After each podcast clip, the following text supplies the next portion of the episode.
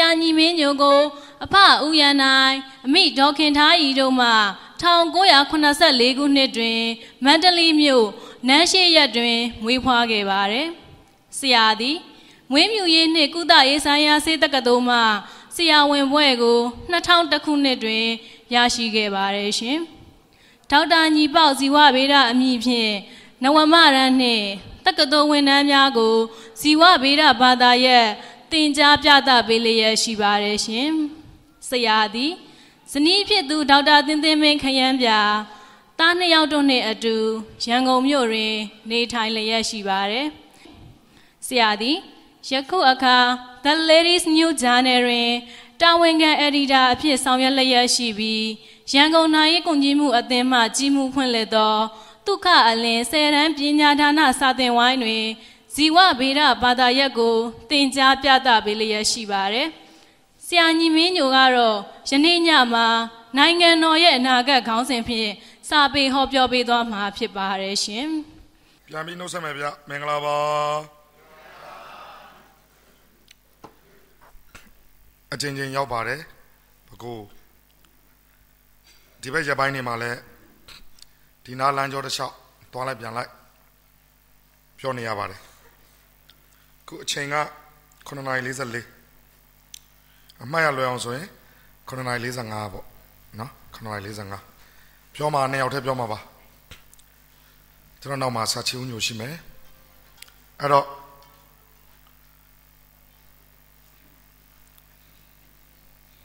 ဖြည်းဖြည်းစစ်စစ်နဲ့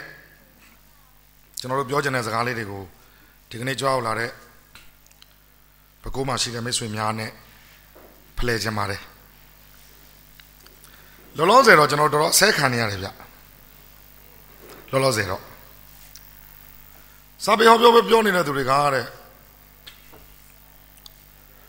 စာပေဟောပြောပဲဆိုပြီးနိုင်ငံရေးအကြောင်းတွေပဲပြောနေတယ်တဲ့ကြားပြီအဲ့စကား2015မတိုင်ခင်ကတည်းကအခု2020ရောက်ပြီဟုတ်တယ်2015မတိုင်ခင်တုန်းကနိုင်ငံရေးစကားတွေတော်တော်ပြောရတယ် ဒါလည်းတိုင်းပြည်ရဲ့လိုအပ်ချက်ရပြောရတာကျွန်တော်အခုစိတ်မကောင်းဖြစ်နေတာဘာလဲဆိုရင်ကျွန်တော်တို့ဝေဖန်ရေးကိုလိုချင်တယ်ဝေဖန်တာကိုလိုချင်တယ်ဒီမိုကရေစီရဲ့အနှစ်သာရဝေဖန်ရေးဗျစစ်မှန်တဲ့ဝေဖန်ရေးဆဲစာမဟုတ်ဘူးနော်ဆဲတာလွယ်တယ်နော်ပါစက်ရှိတဲ့လူတိုင်းဆဲလို့ရတယ်ဖုန်းကတ်ကို 900တထောင်နဲ့ဝယ်ထည့်ပြီးဘေး900ဘိုးလောက်ထည့်သုံးရင်ဆဲလို့ရပြီအဲ့ဒီဆဲနေတဲ့လူတွေကိုကြည့်တော့လေတတိမရှိဘူးအကောင့်အတုတွေနဲ့ဆဲရင်လည်းတတိရှိရှိဆဲလေဝေဖန်ရင်လည်းအကျိုးနဲ့အကြောင်းနဲ့ဝေဖန်လေကျွန်တော်တို့ကအခုနိုင်ငံတော်သမ္မတတယောက်ကိုဝေဖန်တယ်ဆိုတာကျွန်တော်ညီမင်းညိုကဝေဖန်တယ်ဆိုပြီးပြောနေရနော်ကျွန်တော်ဘာနဲ့နားလဲမလားမသိဘူးဘယ်ဝင်ကြီးချုပ်တယောက်ကိုကျွန်တော်တို့ပြောနေဆိုကျွန်တော်ကျွန်တော်ညီမင်းညိုကပြောနေရနော် ပြဿနာဖြစ်ရင်ကျွန်တော်ရှင်းပါတရားစွဲရင်ခံမယ်ကျွန်တော်တို့လည်းသူများကိုဝေဖန်ပါတယ်ဝေဖန်ပါတယ်ကျွန်တော်တို့ဝေဖန်တာကိုလည်းကျွန်တော်လိုချင်တယ်ဒါပေမဲ့ကျွန်တော်တို့ကျတော့ဝေဖန်တာမဟုတ်ဘူးပြသူကဆဲနေတာအတိတ်ပဲမရှိဘူးဒါပေမဲ့ပို့ဆိုးတာအဲ့လိုပြောနေတဲ့လူတွေကတခြားလူတွေထက်စာပေသမားတွေဖြစ်နေခက်တာမသိတဲ့လူတွေလည်းမဟုတ်ဘူး ဒစိမ့်တွေလည်းမဟုတ်ဘူးကျွန်တော်ကအတဲ့ပြောလိုက်ရင်သူတို့ကြိုက်ချင်မှကြိုက်သူတို့ဘယ်ချိန်ထိဆဲနေမှာလဲလို့မင်းရင်ကျွန်တော်အဖြေပေးလို့ရတယ်သူတို့ကိုမဖိတ်မချင်းဆဲနေမှာကျွန်တော်ဘယ်တော့နားလဲလားမသိဘူးသူတို့ကိုမဖိတ်မချင်းဆဲနေမှာသူတို့ကိုဖိတ်ပြီးစင်မော်တင်လိုက်တော့စကားကိုလိပ်ပတ်လဲအောင်ပြောတာလားလို့မေတော့တော့ပြောတောင်းပြော ဝေဖန်ပါဝေဖန်လို့ရပါတယ်ဒါပေမဲ့ academic ကြကြပညာပါပါနော်ကျွန်တော်တို့လည်းတောက်လျှောက်ကျွန်တော်တို့စစ်တပ်ကိုလည်းဝေဖန်ခဲ့တယ်တမနာတွေကိုလည်းဝေဖန်ခဲ့တယ်ဝင်ကြီးချုပ်တွေကိုလည်းဝေဖန်ခဲ့တယ်နောက်ဆုံးကိုကုံပြောရရင်ဘကိုးတိုင်းဝင်ကြီးချုပ်ဦးဝင်းသိန်းကျွန်တော်ဆိုပေါ်တင်ပြောတာမကြိုက်ဘူးကျွန်တော်ဆိုရင်ကတ်အေးရောရှင်းတယ်နော်ကျွန်တော်ပြောတာညီမင်းညောမကြိုက်ဘူးပြောတာကဲဘာမကြိုက်တာတော့ဆရာဆရာမတွေကိုပြောတဲ့စကားကျွန်တော်မကြိုက်ဘူး ကြားကြားမထင်နဲ့နော်ဆရာဆရာမတွေကိုမပြောင်းအောင်ရွာကောင်တွေရီးစားစကားပြောလိုက်ဆိုတဲ့စကားမျိုးသူကတော့ရီးစရာပြောတာကျွန်တော်သိတယ်နော်ဦးဝင်းသိန်းနဲ့ကျွန်တော်နဲ့ဒဇိမ့်နေမဟုတ်ပါဘူးဒါမှမဟုတ်ကျွန်တော်မကြိုက်ဘူးကျွန်တော်မကြိုက်တာကိုကျွန်တော်ရိုးရိုးပြောတယ်ကျွန်တော်တာဝန်ခံပြီးပြောတယ်မနေ့တနေ့ကတက်လာတဲ့ဓာတ်ပုံတစ်ပုံမှာကျန်တဲ့လူတွေအားလုံးကပုံမှန်ခုံလေးတွေနဲ့ထိုင်ပြီးသူတို့၃ယောက်ကဆိုဖာကလထိုင်နေကျွန်တော်မကြိုက်ဘူး 2020ရွေးကောက်ပွဲကနီးနေပြီလူအစဲခံအောင်မလုပ်ပါနဲ့ဒါဒါကျွန်တော်နမူနာပြောတာနော်ကျွန်တော်ဝန်ကြီးတို့ကိုပြောချင်လို့မဟုတ်ဘူးနမူနာပြောတာကျွန်တော်တို့ကကိုတာဝန်ကိုယူပြီးပြောတယ်အခုပြောနေတာဘာလို့လဲညီမင်းညောပြောတာဘာလို့ပြောတာလဲဝန်ကြီးတို့ကိုပြောတာဘာပြောတာလဲအဲ့ဒါပြောတာအမကျင်ဘူးလားမကျင်နိုင်ဝန်ကြီးတို့တရားဆွဲကျွန်တော်ဒီတိုင်းတော့လာဖမ်းခိုင်းလို့မရဘူးတရားဆွဲလို့တရားကလက်ခံရင်ကျွန်တော်ကိုတရားကစဉ်းစား ပို့မယ်စဉ်းစားပို့ရင်ကျွန်တော်ကသွားပြီးတော့ရင်ဆိုင်စားရှိရင်ရင်ဆိုင်မယ်တရားကအပြစ်ရှိတယ်လို့ယူဆိုင်ရင်ကျွန်တော်ကိုထောင်ချလိုက်မယ်အပြစ်မရှိဘူးလို့ယူဆိုင်ရင်ကျွန်တော်လွတ်ပေးလိုက်မယ်ဒါပဲယောက်ျားပြည်ပြည်သားသားပေါ့ခုကျွန်တော်တို့နည်းနည်းလေးအာယုံနောက်တယ်အာယုံနောက်ရပါတယ်ကျွန်တော်အခုနောက်ဆုံးစာအုပ်တော့ထွက်တယ်ကျွန်တော်တက်အခု46နှစ်အဲ့တော့ကျွန်တော်46ပေါ့အမှတ်တရပေါ့46နှစ်အတွက်ဝတ္ထု46ပေါ့ စာမျက်နှာနည်းနည်းများသွားတယ်464မျက်နှာအဲ့တော့ရောင်စီလဲနည်းနည်းများပူသွားတယ်ပေါ့ရောင်စီ6000ဒါပေမဲ့အောင်စရာကောင်းတယ်2000 3000တန်စာအုပ်တွေတဲ့အဲ့6000ပူရောင်းရတယ်လူတွေရဲ့သဘောကလည်းဘာလဲတော့ကျွန်တော်လည်းမသိဘူး2000 3000အဲ့လောက်မရောင်းအောင်ဘူး6000တန်စာကပူရောင်းရတယ်ကျွန်တော်ခေါင်းစဉ်လေးတက်ထားတယ်2006မှ2019အထိရေးခဲ့တော့အမတ်တရားဝတ္ထုတို့များ အဲ့ကိုယ့်အသက်ကိုကိုအမတ်တရားလောက်တာဖြစ်တဲ့အတွက်46ပုတ်လိုအပ်လို့ပြောတာပါဒီစကားအဲ့ဒီ46ပုတ်ထဲမှာဟိုနယ်ကဒီနယ်ကဟိုနေရာကဒီနေရာကဘယ်ဝတ္ထုကိုကြိုက်လို့ဒီဝတ္ထုကိုကြိုက်လို့စုချင်းမြင့်တဲ့ဝတ္ထုက10ဘောလောက်ပါတယ်ကျွန်တော်ကကျွန်တော်ရေးတာနော်သူကသူတို့စုပေးတာဒါတော့ကျွန်တော်မတတ်နိုင်ဘူးတနစ်တာအကြိုင်ဆုံးဝတ္ထုတွေထဲမှာဒီဝတ္ထုတွေကိုတော့တနစ်တာထွက်ခဲ့တဲ့ဓမြထဲမှာ ဝတ္ထုတွေရေးတဲ့ဆရာတွေအများကြီးထဲမှာဒီဝတ္ထုတွေကိုတော့အကြိုက်ဆုံးပါဆိုပြီးစူးစီးတဲ့ဟာ10ဦးလောက်ပါတယ်နှစ်က14နှစ်လေ2006ကနေ2014တိဆိုတော့2020တိ19တိဆိုတော့14နှစ်ဂျပန်ဘာသာပြန်တာတပုတ်ပါဂျပန်ကဂျပန်အမျိုးသမီးမြန်မာသာပါမောက်ခဗမာကလောင်နာမည်နဲ့မပန်းခက်လို့နာမည်ရတယ်။ तू က तू ကြိုက်တဲ့ဝတ္ထုတွေကိုဂျပန်ဘာသာပြန်ပြီးဂျပန်မှာထုတ်ဝေတယ်။ အဲ့တော့ကျွန်တော်ဒေါ်လာ100ပေးတယ်။ဒေါ်လာ100ဆိုတော့ခုငွေနဲ့တွက်ရင်တသိန်းခွဲပေါ့။ကျွန်တော်ဝတ္ထုတော်တစ်ပုဒ်ရေးမှ1000လောက်ရတာလေ။တသိန်းခွဲရတယ်ဆိုတော့ပြောတာပေါ့။အဲ့ဒီစာအုပ်ဂျပန်ကိုရောက်သွားတဲ့အချိန်မှာလူကဂျပန်မရောက်ဘူးသေးဘူး။လူကနောက်မှဂျပန်ကိုရောက်ရောက်ဘူးလား။အဲ့တော့ဘာသာပြန်တယ်။အဲ့တော့ပြောချင်တာဒီ46ပုတ်ထဲမှာထင်ရှားကြော်ကြားတဲ့ဝတ္ထုတို့များပါရှိတယ် ဗရမ ्या FM အတန်လွတ်ဇာလန်လောက်တဲ့ဝတ္ထုတို့ပါတော့အဲ့ထက်မှာပါတယ်ရုပ်ရှင်ရိုက်ဖို့ဝယ်ထားတဲ့ဝတ္ထုသုံးဖို့ရှိတယ်အကြောင်းတော့ရုပ်ရှင်တွေတော့ထွက်မလာသေးဘူးဒါဆိုရင်တော့တာကြီးပေါ်ပေါ်ပဲပဲမဟုတ်တာတော့သိကြပါတယ်ရေးတဲ့ကာလလည်း2006ကနေ2019ဆို14နှစ်အဲ့ဒါကိုကျွန်တော်နံပါတ်လေးတယောက်က line ပေါ်မှာတင်လိုက်တယ်အကိုရေးတဲ့စားအုပ်ရပြီတဲ့ဖတ်နေပြီနော်တဲ့ ပြောတယ်ပေါ့ပြောတာပေါ့ကိုစာအုပ်လေး line ပေါ်မှာမြင်ရတော့ပြောတာပေါ့ဗျာအဲ့တော့အောက်ကတယောက်က comment ရေးတယ်ကျွန်တော်မသိဘူးအဲ့တယောက် comment တစ်ချောင်းနဲ့ရေးတာကျွန်တော်နမနဲ့သူနဲ့တော့မိတ်ဆွေဖြစ်ပါလိမ့်မယ်ကျွန်တော်နမကစင်ကာပူမှာနေတာအဲ့လူကလည်းစင်ကာပူမှာနေတာပါပဲရေးတဲ့ comment တစ်ချောင်းနဲ့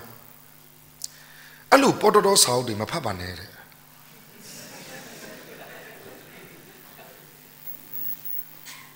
ကျွန်တော်စိတ်ဝင်စားတော့သူ့အကောင့်လေးကိုနှိပ်ကြည့်လိုက်တယ် ဒီလိုပညာတတ်ဗျာအင်ဂျင်နီယာအသက်40လောက်ရှိတယ်စင်ကုန်မှနေတာစင်ကုန်နဲ့ရန်ကုန်နဲ့တွားလိုက်ပြန်လိုက်နေမှာပေါ့ပညာတတ်ဗျာဟိုသူများကိုစော်ကားတာအဲ့လောက်လွယ်လားဟိုကျွန်စဉ်းစားပါနော်သူများကိုစော်ကားတာအဲ့လောက်လွယ်လားဟိုဖတ်ကြည့်အောင်လေနည်းနည်းစောင်းလေးတော့နဲ့လှမ်းကြည့်အောင်လေဟာခမညီမင်းတို့ခမတော်ကြွားတယ်လူပဲဗျာခမကပြောတော့ဝိတု46ပေါ့ခမတဘုတ်ကလည်းမကောင်းဘူးပြောလေကျိုးနဲ့ကြောင်းနဲ့ပြော ဘယ်ပုတ်ကခင်ဗျဘယ်အချက်လက်တွေမှားနေတယ်ဗျဘယ်ပုတ်ကခင်ဗျအကြောင်းအရာတွေကလွဲနေတယ်ဗျဘယ်ဟာခင်ဗျဘယ်လိုအန္တရာယ်တွေရှိတယ်ဗျပြောလေမှားရင်ကျွန်တော်ဒူးထောက်လိုက်မယ်ပြောချင်တဲ့အိဗေဟာကျွန်တော်စာအုပ်ကိုလှန်အောင်မကြည့်ဘူးတဲ့လူတယောက်ကဒီလူပေါ်တော်တော်စာတယ်မဖတ်ပါနဲ့ဆိုတော့ဒါလွတ်လပ်စွာပြောဆိုခွင့်လားဒါဒီမိုကရေစီလားအ ဒီမိုကရေစီရဲ့သဘောတဘာဝသည်လွတ်လပ်စွာပြောဆိုခွင့်ရှိတယ်လွတ်လပ်စွာဝေဖန်ခွင့်ရှိတယ်လွတ်လပ်စွာဆန္ဒဖော်ထုတ်ခွင့်ရှိတယ်လွတ်လပ်စွာမိုင်ရိုင်းခွင့်တော့မရှိဘူးနော်လွတ်လပ်စွာရန်ကားခွင့်တော့မရှိဘူးနော်လွတ်လပ်စွာအသေးဖြတ်ခွင့်တော့မရှိဘူးနော်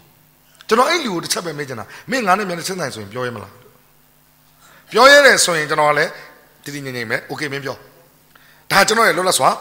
ပြောဆိုခွင့်ပဲအေးငါလည်းမင်းကိုလွတ်လပ်စွာဆွဲထိုးခွင့်ပဲကွာထိုးမယ်ရှင်း ကျွန်တော်တို့တိုင်းပြည်ကျွန်တော်တို့နိုင်ငံရဲ့ကြဆင်းမှုဟာတအားများသွားပြီဝေဖန်မယ်ဝေဖန်မယ်ဆိုရင်အဲ့ဒီဝေဖန်ခြင်းတဲ့လူတယောက်အကြောင်းကိုအဲ့ဒီဝေဖန်ခြင်းတဲ့အမှုပညာအကြောင်းကိုစစ်စစ်ငုံငုံသိအောင်တော့အရင်လောက်ရမယ်မဟုတ်ဘူးလားဗျရမ်းပြောလို့တော့မရဘူးလေအခုလည်းပဲစာပေဟောပြောပွဲတွေကိုဝိုင်းဆဲနေတဲ့လူတွေကြည့်လိုက်တော့2013တို့2014တုန်းကဟာတွေကိုနားထောင်ပြီးဆဲနေတယ်အခုရောက်နေတာ2020 စာပေလောကအချင်းချင်းလေးဆိုတော့မြင်နေရတယ်တွေ့နေရတယ်သူတို့ကိုဖိတ်လိုက်တော့လဲနတ်နတ်တက်ပဲပြလိုက်ပြောတာဦးရဖားရပဲပြီးသက်ကလည်းမကြိုက်ဘူးနောက်လည်းသူတို့မဖိတ်တော့ဘူးရောင်မပြီးတပွဲလောက်ဖိတ်မိတာကိုဘယ်ကောင်တွေကဘယ်လိုမြောက်ပေးတယ်လဲမသိပါဘူးကျွန်တော်ပြောချင်တဲ့စကားကျွန်တော်တို့ပဲနာမည်ကြီးနေတယ်ကျွန်တော်တို့ပဲနာမည်ရနေတယ်လို့ကျွန်တော်တို့ပဲပြောတတ်တယ်လို့ပြောနေတာမျိုးမဟုတ်ပါဘူးဉာဏ်ပညာလေးနဲ့တော့အလုပ်လုပ်စေချင်တယ်ကျွန်တော်ဆိုဒီဒီဒီစေတနာ အလင်းပညာဒါနဆိုဘယ်နှခေါက်ရှိမှတော့မသိတော့ဘူးကျွန်တော်ထင်တယ်နှစ်တိုင်းនេះပါနှစ်တိုင်းនេះပါဖိတ်နေတာကဘယ်လိုလုပ်မလဲအဲ့တော့စစ်မှန်တဲ့ဝေဖန်ရေးတိတ်ဆုံးခြင်းဟာတိုင်းပြည်ရဲ့အကြဆုံးခြင်းပဲနော်ကျွန်တော်တို့ကအဲ့ဒါလိုပညာကိုအခြေခံတဲ့စိတ်တွေမရှိဘဲနဲ့ဒီမိုကရေစီတွေကိုတစ်ဖောက်မှတောင်းနေလို့ကတော့တိုင်းပြည်အန္တရာယ်ရှိရနော်ပန်းတနော်သားကြီးဥဒ္ဒ ပြောပြီးသားစကားတွေပြန်ပြောရတော့မကောင်းဘူးနိုင်ငံရေးစနစ်တွေအားလုံးထဲမှာတဲ့ဒီမိုကရေစီစနစ်ကအကောင်းဆုံးပါတဲ့ကျွန်တော်စကားကိုဖြည့်ပြောမယ်လက်ရှိအရာဒီမိုကရေစီစနစ်ကအကောင်းဆုံးနိုင်ငံရေးမှာပြည့်ပြည့်စုံတဲ့စနစ်ဆိုတာမရှိဘူးဒီထက်ကောင်းတဲ့စနစ်တွေပေါ်ချင်ပေါ်လာလေဦးမယ်အခုလောတယ်တော့မပေါ်သေးဘူးပေါ်လာရင်ကျွန်တော်လိုက်ပြောင်းအောင်ပါအမရည်စရာပေါ့ဒီမိုကရေစီတက်ပိုကောင်းတာဟိုမိုကရေစီကပိုကောင်းတယ်ဆိုကျွန်တော်ဟိုမိုကရေစီပြောင်းအောင်ပါ အဲ့ကြရင်ပြောင်းတော့မှကျွန်တော်ဟိုမိုကရေစီရရှိရေးတို့ရေးလုံးမှာလောလောဆယ်တော့ဒီမိုကရေစီကအသင့်တော်ဆုံးဒါပေမဲ့ဒီမိုကရေစီဆိုတာတဲ့ပညာနဲ့အုပ်ချုပ်တဲ့နိုင်ငံရေးစနစ်ပညာနဲ့ကျင့်သုံးတဲ့နိုင်ငံရေးစနစ်ဖြစ်ပါတယ်တဲ့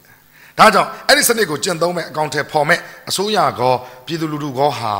နိုင်ငံသူနိုင်ငံသားတိုင်းဟာဉာဏ်ပညာနဲ့စင်ကြင်တုံတရားနဲ့ပြည့်စုံဖို့လိုအပ်ပါတယ်တဲ့အဲ့ဒီလိုမှမဟုတ်ဘဲနဲ့ စင်ကြင်တုံတရားမဲ့စွာဉာဏ်ပညာမဲ့စွာကျင့်သုံးဖြတ်တန်းကြမယ်ဆိုရင်တော့ဗယံပရာဒီမိုကရေစီကိုပဲပေါ်ပေါက်စေပါလိမ့်မယ်ကျွန်တော်တို့ကဖြစ်နေတဲ့ချိန်တောင်းတာကဒီမိုကရေစီပြောနေဆိုနေလုံနေကြိုင်နေတာကမင်းမဲ့စရာစောတော့လူဆိုရင်အသက်က40ပညာတတ်တယ်နေတာစင်ကာပူပြောတဲ့စကားကအစင်တမ်းမရှိဘူး ကျွန်တော်ကိုဝေဖန်ရင်ကျွန်တော်ကိုစိတ်စိမ်ငုံငုံတေချာလေးလာပြီးမှဝေဖန်နေဆိုရင်တော်တော်လေးကျွန်တော်ကဝန်သားမှာပြောချင်တာတော့ဒါအခုကျွန်တော်ပြောချင်တဲ့စကားလမ်းကြောင်းလေးကိုအခြေခံတာမို့လို့နမူနာယူပြောတာပါဒီတဆိုးတဲ့ဝေဖန်ဆဲစာတွေအများကြီးပါကျွန်တော်နာမည်ကြီးတက်ပြီးတော့တခြားလူရဲ့နာမည်လည်းပါတယ်ခြားလူတွေကိုတော့ကျွန်တော်နာမည်ထည့်မပြောတော့ဘူးကိုနာမည်ပဲကိုထည့်ပြောမယ်ညီမင်းညုံကစားလိုက်တာတိုင်းပြည်ပတ်တောင်းစားနေတဲ့သရောင်းစားတွေတဲ့ကျွန်တော်တို့ကော်မတီကဖိတ်တာနော် ပညာလင်းစေတနာလင်းကော်မတီကကျွန်တော်တို့ဖိတ်တာနော်ဖိတ်တာတော့မှကျွန်တော်တို့အားတဲ့ရက်ကိုတည်တည်ချာချာညှိနှိုင်းပြီးဖိတ်ရတာနော်ဖိတ်တဲ့ရက်တွေမအားလို့ဟိုဘက်ရက်တွေဒီဘက်ရက်တွေပြောင်းပြီးဖိတ်ရတာနော်ကျွန်တော်တို့ဟောချင်လာပါရဲ့ဆိုပြီးတော့လာပြောလို့ရောက်လာတာမဟုတ်ဘူးနော်ရှေ့မှာကလေးတို့သမီးတို့သားတို့ရှိလို့ဆရာသားတတရနှစ်အရွယ်ပါနော်ဒါတော့မင်းတို့ကဆရာသားသမီးအရွယ်ပါစာပေစင်မြင့်ဆိုတာကျွန်တော်ပြောချင်လို့ပါကျွန်မပြောချင်လို့ပါဆိုပြီးစင်မတက်လာလို့ရတဲ့ကိစ္စမဟုတ်ဘူးဗျ ဖိတ်မှပြောလို့ရတာဟုတ်ပါသလားအဲကျွန်တော်လည်းတော့သိတော့စိတ်မရှိဘူးဗျအဲ့တော့ဆဲနေတယ်လို့ကျွန်တော်တခေါက်တော့ပြောလိုက်မယ်အေးမင်းတို့ကျွန်တော်ဒီခဏထောင်းကွာအဖိတ်ခံရအောင်တော့အရင်လှုပ်လိုက်အောင်နည်းနည်းမှရင့်သွားမလားမသိဘူးမင်းတို့နာမည်လေးနည်းနည်းလူသိအောင်လုပ်လိုက်အောင်မင်းတို့ဘာလဲလို့ပေးသက်ကိုနည်းနည်းအကြောင်းကြားလိုက်အောင်ပြီးမှငါတို့ကိုလာဆဲပြောချင်တာကဝေဖန်စရာတွေရှိပါတယ်အပြစ်တင်စရာတွေရှိပါလိမ့်မယ် ဝေဖန်ဖို့ကောင်းကောင်းမွန်မွန်ဟာစပင်းစင်မြင့်မှာတချင်းဆိုတာတွေမကြိုက်ဘူးဗျာမကြိုက်မကြိုက်ဘူးပြောပေါ့ဟိုမှာဥဖုံးဆိုတယ်ခုကျွန်တော်နောက်ကဆရာချင်းဦးလို့ဆိုချင်းဆိုမယ်မဆိုချင်းမဆိုဘူးစိတ်ပိုင်ဆိုမယ်စိတ်ပိုင်မဆိုဘူးဆရာမောင်သားဆိုမနေ့ပြန်လာမယ်မောင်သားဆိုတခါတည်းမှာအတံမြိန်နဲ့អော်ရတယ်မကျွန်တော်ပြောတာရှင်းရှင်းလေးမကြိုက်ဘူးဗျာဘာကြောင့်မကြိုက်ဘူးရေရာပြောမဆဲနဲ့လေကျွန်တော်ပြောတာဟုတ်တယ်မလားဆရာနေဝင်းမြင့်သချင်းဆိုတယ်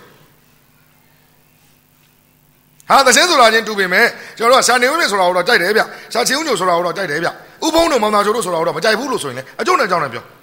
အကျိုးနဲ့ကြောင်းနဲ့ပြောလက်ခံတာရှင်းလက်ခံမယ်ပြင်တာရှင်းပြင်အခုတော့အားလုံးဒါပဲလို့လုပ်တဲ့ကိစ္စကတော့အဲ့တော့လူတိုင်းပြောတတ်တယ်ဗျခက်တာမျက်နှာချင်းတိုင်ကြောက်လဲမပြောရဲဘူးနာမည်လည်းတက်ပြီးမပြောရဲဘူးဘာနဲ့တူနေလဲဆိုတော့တကယ့်ကိုရက်ွက်ထဲမှာအတင်းပြောသလိုပဲ ကြာတော့ကျွန်တော်တို့ကစိတ်မရှိတော့ဘူးဆိုတော့ဒါကျွန်တော်တို့တိုင်းပြည်နိုင်ငံဖြစ်နေတဲ့အနေအထားနိုင်ငံရဲ့ကြာဆုံးမှုကိုနိုင်ငံရဲ့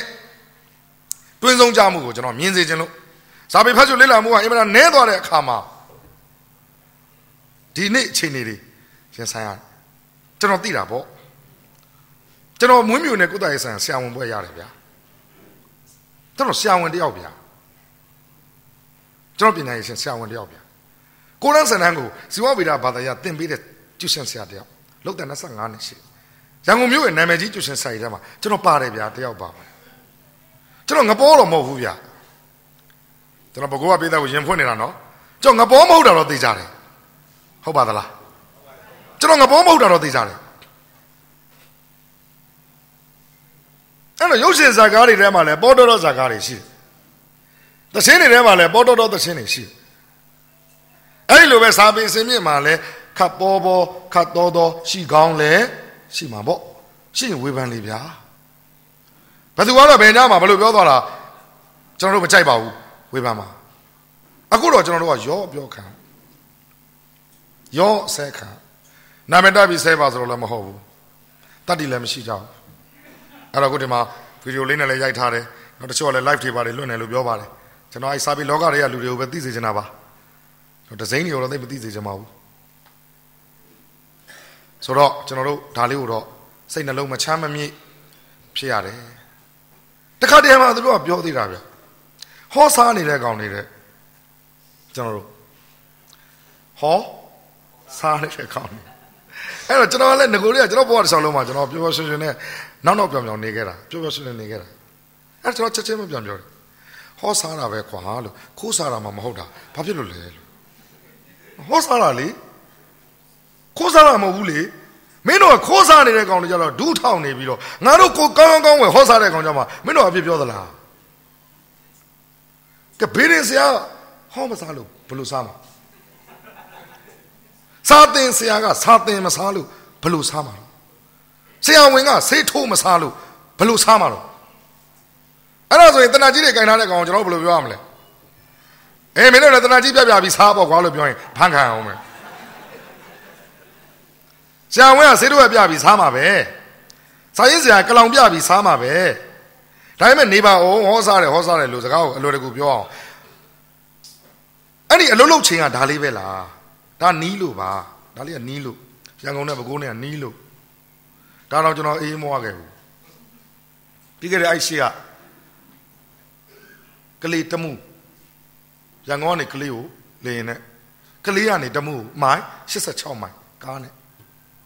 တနင်္ဂနွေသွားရောက်တယ်ဟောတာတော့တနားကြီးတနားကြီး15ပဲမနေ့တည်းအစိုးရ၄စိတ်ကိုမနေ့9နာရီတည်း၄စိတ်ဆင်းပြီးသွားရတာလေအဲ့ဒါကျွန်တော်အလုံးလုံးချိန်နေမဟုတ်ဘူးလားအဲ့တော့ပြောချင်တာကတောင်းထားတာကဒီမိုကရေစီလူတွေကဒီမိုကရေစီကိုကောင်းကောင်းနားလည်ဖို့မရ ပညာမဲ့တဲ့လူကနားမလည်တာကိုကျွန်တော်ဝင်မနေဘူးအခုပညာတတ်ပါတယ်ဆိုတဲ့လူတွေကိုယ်တိုင်စာပေလောကသားပါဆိုတဲ့လူတွေဒီလူတွေကစာတော့ပြောတောင်ပြောတွေမြင်ရတဲ့ခါမှာကျွန်တော်တို့အခုလိုဒါကျွန်တော်ကိုစပြီး challenge လုပ်တာပါကျွန်တော် challenge လုပ်တာကျွန်တော် Facebook ပေါ်လဲကျွန်တော်ပြောမှာနာမည်တက်ပြီးကျွန်တော်ပြောမှာမင်းတတိရှိလားတတိရှိရင်ပြောတတိမရှိရင်မင်းမပြောနဲ့ကြီးကြီးငယ်ငယ်ကျွန်တော်ဆော်တော့မှာကျွန်တော်တိခန္ဓာနဲ့ကုံသွားပြီကျွန်တော်တိခန္ဓာအတိုင်းတာကုံသွားပြီစော်ကားတာလည်းများလာပြီဆိုတော့ ကျွန်တော်တို့ဒီနေ့စာပေဟောပြောပွဲတွေဟောပါတယ်တိုင်းပြည်ရဲ့အခြေအနေနဲ့လာရောကြီးတွေဖြစ်တဲ့စကားတွေကိုပြောရပါတယ်ပြီးတော့ဒီပွဲနေရာကိုဟောကြတယ်ဟောလို့ရတဲ့ပွဲတွေမဟုတ်ဘဲနဲ့ကော်မတီကဖိတ်မှဟောရတာပါကော်မတီကမဖိတ်ရင်ဟောလို့မရဘူးသို့တော့အရာရာကြဆင်းလာတာကိုတော့ကျွန်တော်လက်ခံပါတယ်လက်ခံတယ်လက်ခံတယ်ဘာလို့လဲတချင်းတွေထဲမှာလဲပေါ်တော်တချင်းတွေရှိတာပဲအတိတ်ပဲမဲ့တဲ့တချင်းတွေရှိတာပဲပြောရင်နှခမ်းဒီမာလေးတွေစိတ်ဆိုးမယ် ဟဲ့အောင်မင်းစော်တယ်ငါစော်ပူမိုက်တယ်ငါစော်ပူမိုက်တယ်ဘာဘာချင်းလဲဟဲ့အောင်မင်းစော်တယ်ငါစော်ပူမိုက်အာတချင်းလားအကီတာလားကျွန်တော်မငင်းဘူးနော်စောင်းတိုင်းခန်းလိုက်ဟာနှခမ်းဒီမာလေးတွေကတဲဆွဲဆိုတော့ဒါပေမဲ့ကျွန်တော်စောင်းတိုင်းခန်းလိုက်ကိုအထင်ကြီးတာတွေလေးစားတာတွေတတ်တတ်ရှိတယ်ဒီတချင်းတော့ကျွန်တော်သဘောမတူဘူးမင်းစော်တယ်ငါစော်ပူမိုက်တယ်ဟဲ့အောင်ငါစော်ပူမိုက်တယ်ကျွန်တော်လက်မခံကြိုက်ဒါပေမဲ့အချင်းတော့ပေါက်သွားပြီလက်ကနာလက်မခံတာပါတာတနိုင်ငံလုံးတော့ပေါက်သွားပြီ ဘယ်လောက်ထိပေါက်တယ်လဲဆိုတော့မြန်မာမျိုးသမီးများနေ့ဇူလိုင်3ရက်နေ့မှာစမ်းတိုင်းဥဆောင်တဲ့အဖွဲ့တိုက်ပုံအင်ကြီးအနက်တွေနဲ့စင်ပေါ်တက်လာတယ်ကျွန်တော်ကြည့်တယ်ဒီကောင်တွေဘာပြန်ဆိုမလဲပေါ့ဖွင့်လိုက်တယ်ဟဲ့မင်းစော်တယ်ငါစော်ပုံမိုက်တယ်ငါစော်ပုံမိုက်ဟာအောက်ကအောက်ကလူကြီးကတော့ဝင်းကြီးချုပ်ကတော့တို့ဘာကတော့တို့ညာကတော့တို့အမေလက်ကုတ်တွေဖုံဖုံတီးလို့လူကြီးကတော့တွေကတော့ဒီလိုလက်ကုတ်တန်တွေဖုံဖုံနေဆိုရင်တော့ပွဲပြတ်ပြီပေါ့အဲ့တော့စမ်းတိုင်းကလည်းပြန်ပြောတယ်ခင်ဗျားမကြိုက်ချင်နေပါတဲ့ဒါပေမဲ့တနင်္ဂနွေကကြိုက်တယ်ဗျာ ဆိုင်ဆိုင်ကအဲ့လိုအောင်မြင်တော့နောက်ကဟဲလေးကလိုက်လို့တယ်တဆင်းနာမည်ကစမူစာတဲ့စမူစာတော့ဘာကိုယဉ်ညွန်းတယ်ဆိုတာအားလုံးသိပါတယ်ဘာစကားရစမူစာဆိုတာဘာကိုယဉ်ညွန်းတယ်ဆိုတာအားလုံးသိပါစမူစာတဲ့အဲ့တော့သူကလည်းပြောတယ်ခင်ဗျားတို့မကြိုက်ချင်နေတယ်ကျွန်တော်အားပေးတဲ့လူကအများကြီးပဲတဲ့ဒါတချင်းလားတချင်းတွေထဲမှာလည်းဘောပဲပဲချင်းတွေထွက်လာတယ်ရုပ်ရှင်ဇာတ်ကားတွေမှာလည်းဘောပဲပဲဇာတ်ကားတွေထွက်လာမြင့်မြတ်နာမည်ကြီးတယ်မြင့်မြတ်မြင့်မြတ်တကားကိုသိန်း800ပေးရတယ် မြင်းမြတ်နဲ့ရိုက်ခွင့်ရဖို့သိန်း800ပေးရကျွန်တော်သားနှစ်ယောက်ကဗမာကားကြိုက်တယ်ဗမာကြိုက်တော့ကျွန်တော်ပြောဖေးဖေးအားရရဲ့သားတို့သားတို့ရုပ်ရှင်လိုက်ပြအေးအေးကြည့်ကြည့်ဘာကားကြည့်မှလဲကျွန်တော်သားငယ်လေးကစကားတက်တယ်ဘာကားလဲငါသားဟီဟာဖေးတဲ့ဟီဟီဟာဟာသားငယ်လေးအဖေမင်းနေတယ်ဘာကားလဲလို့ဟီဟာဖေးတဲ့ မင်းငါစိတ်တော်မလုံးနဲ့တော့လို့မင်းတို့ညီကိုတွေဟာတာကားကြိုက်မှန်းငါသိတယ်ဟာတာကားဟီဟာမှန်းလည်းငါသိတယ်ငါမင်းနေတာအခုဇာကားနာမည်ဘာလဲလို့ငါမင်းနေတာငါစိတ်တော်လာပြီနော်လို့တားငယ်လေးကကျွန်တော်ထက်ပို့ပြီးစိတ်တိုးပါတယ်ဇာကားရဲ့နာမည်ကဟီဟာပါဆိုမှပြတယ်အဖေကလည်းဘာမှလည်းမသိဘူးလေကျွန်တော်တယ်လီဖုန်းလေးလာထိုးပြတော့ကြည့်လိုက်တော့ဇာကားရဲ့နာမည်ကဟီဟီဟာဟာအဓိကသေုပ်ဆောင်ကမြင့်မြတ် ဟိုကျွန်တော်ပြောတာနာမည်ပေးစရာအဲ့လောက်ရှားလားမစဉ်းစားပါမနာမည်ပေးစရာအဲ့လောက်ရှားလားကျွန်တော်ပြောတာနိုင်ကြမှုကိုပြောနေတာနော်ရှိပါတယ်ရှေ့မှာလဲစိုက်တက်ကားတွေဇာကနာမည်ဖတ်လိုက်တာကျွန်တော်မှတ်မိတာတော့တရုတ်ဆောင်ပွင့်ပါတယ်ပွင့်ဇာကနာမည်ကြည့်လိုက်တော့ငါနှမလေးပွားသွားပြီတဲ့အဲ့တော့ကျွန်တော်တခုံးပြန်မေးလိုက်ပါတယ်မင်းနှမပွားတော့ငါဘာလုပ်ရမှာတော့ဒီတကောင်းတဲ့နာမည်မရှိဘူးလားအကားအချစ် အနှစ်ကမြတ်တာကြော့ကိုချစ်မလားစော့ကိုချစ်မလားဒီဆောင်ဟေမန်အပြန်လန်းကအပြန်လန်းမှချစ်မြတ်တာဆိုလိုတာကကောင်းကောင်းကန်းကန်းဇာကနာမည်တွေအများကြီးပဲဟုတ်တယ်နော်ကြောက်နဲ့ကြောက်တေးကိုတီးအစရှိတော့အခုတော့ဇာကနာမည်ကိုကငါနမလေးပွားသွားပြီမင်းနမပွားတော့ငါဘာလုပ်ရမှာတော့ဇာကနာမည်ဟီဟီဟာရုပ်ရှင်နေ ကြာဆုံးသွားတယ်တခြင်းနေကြာဆုံးသွားအဲ့လိုပဲစာပေစင်လဲကြာဆုံးကောင်းကြာဆုံးပါလိမ့်မယ်ကျွန်တော်ပြောတာနားလည်မလားမသိဘူးကြာဆုံးရင်ကြာဆုံးအောင်လုပ်တဲ့သူကိုဝေဖန်လေဗျာကောင်းကောင်းမွန်မွန်ဖော်ဆောင်နေတဲ့လူတွေကိုတော့မထိခိုက်နိုင်လေကျွန်တော်တို့ကသခြင်းဆိုနေတဲ့သခြင်းအစိုးရတွေအားလုံးကအသုံးမကျဘူးလို့ကျွန်တော်တခေါမှမပြောဘူးဟုတ်သလား ဆိုင်ဆိုင်ခန်းလိုက်ကိုတောင်အဲ့ဒီတပုတ်ထဲသဘောမတူတာလို့ကျွန်တော်ပြောတယ်ဟဲလေးကိုတောင်အဲ့ဒီတပုတ်ထဲသဘောမတူတာလို့ကျွန်တော်ပြောတယ်သူတို့ကောင်းတဲ့သရှင်တွေတတ်တတ်ရှိတယ်ကျွန်တော်တို့အဲ့လောက်ဒီစီကန်းရှိတယ်ရုပ်ရှင်ဇာကားတွေမှာလည်းအဲ့ဒီတပုတ်ထဲကိုပဲကျွန်တော်တို့ကအဲ့ဒီတကားထဲကိုပဲကျွန်တော်တို့ကပြောနေတာကျန်တဲ့သူတို့ကောင်းတဲ့ဇာကားတွေရှိကောင်းရှိဘယ်နဲ့ကျွန်တော်တို့ကြာမှာအခုဟိုလူကဝိုင်းဆဲဒီလူကဝိုင်းဆဲအဲ့လိုတော့မဖြစ်ထိုက်ဘူးထင်ပါတယ်အတောင်းထားတဲ့ဒီမိုကရေစီနဲ့ကျွန်တော်တို့ဖြတ်သန်းနေတဲ့ ပုံမှန်သဏ္ဍာန်နဲ့ကတော့တိတ်တော့မကိုက်ဘူးအဲ့တော့အဓိကပြောချင်တာပါလေကျွန်တော်တိုင်းပြည်ကျွန်တော်တို့နိုင်ငံရဲ့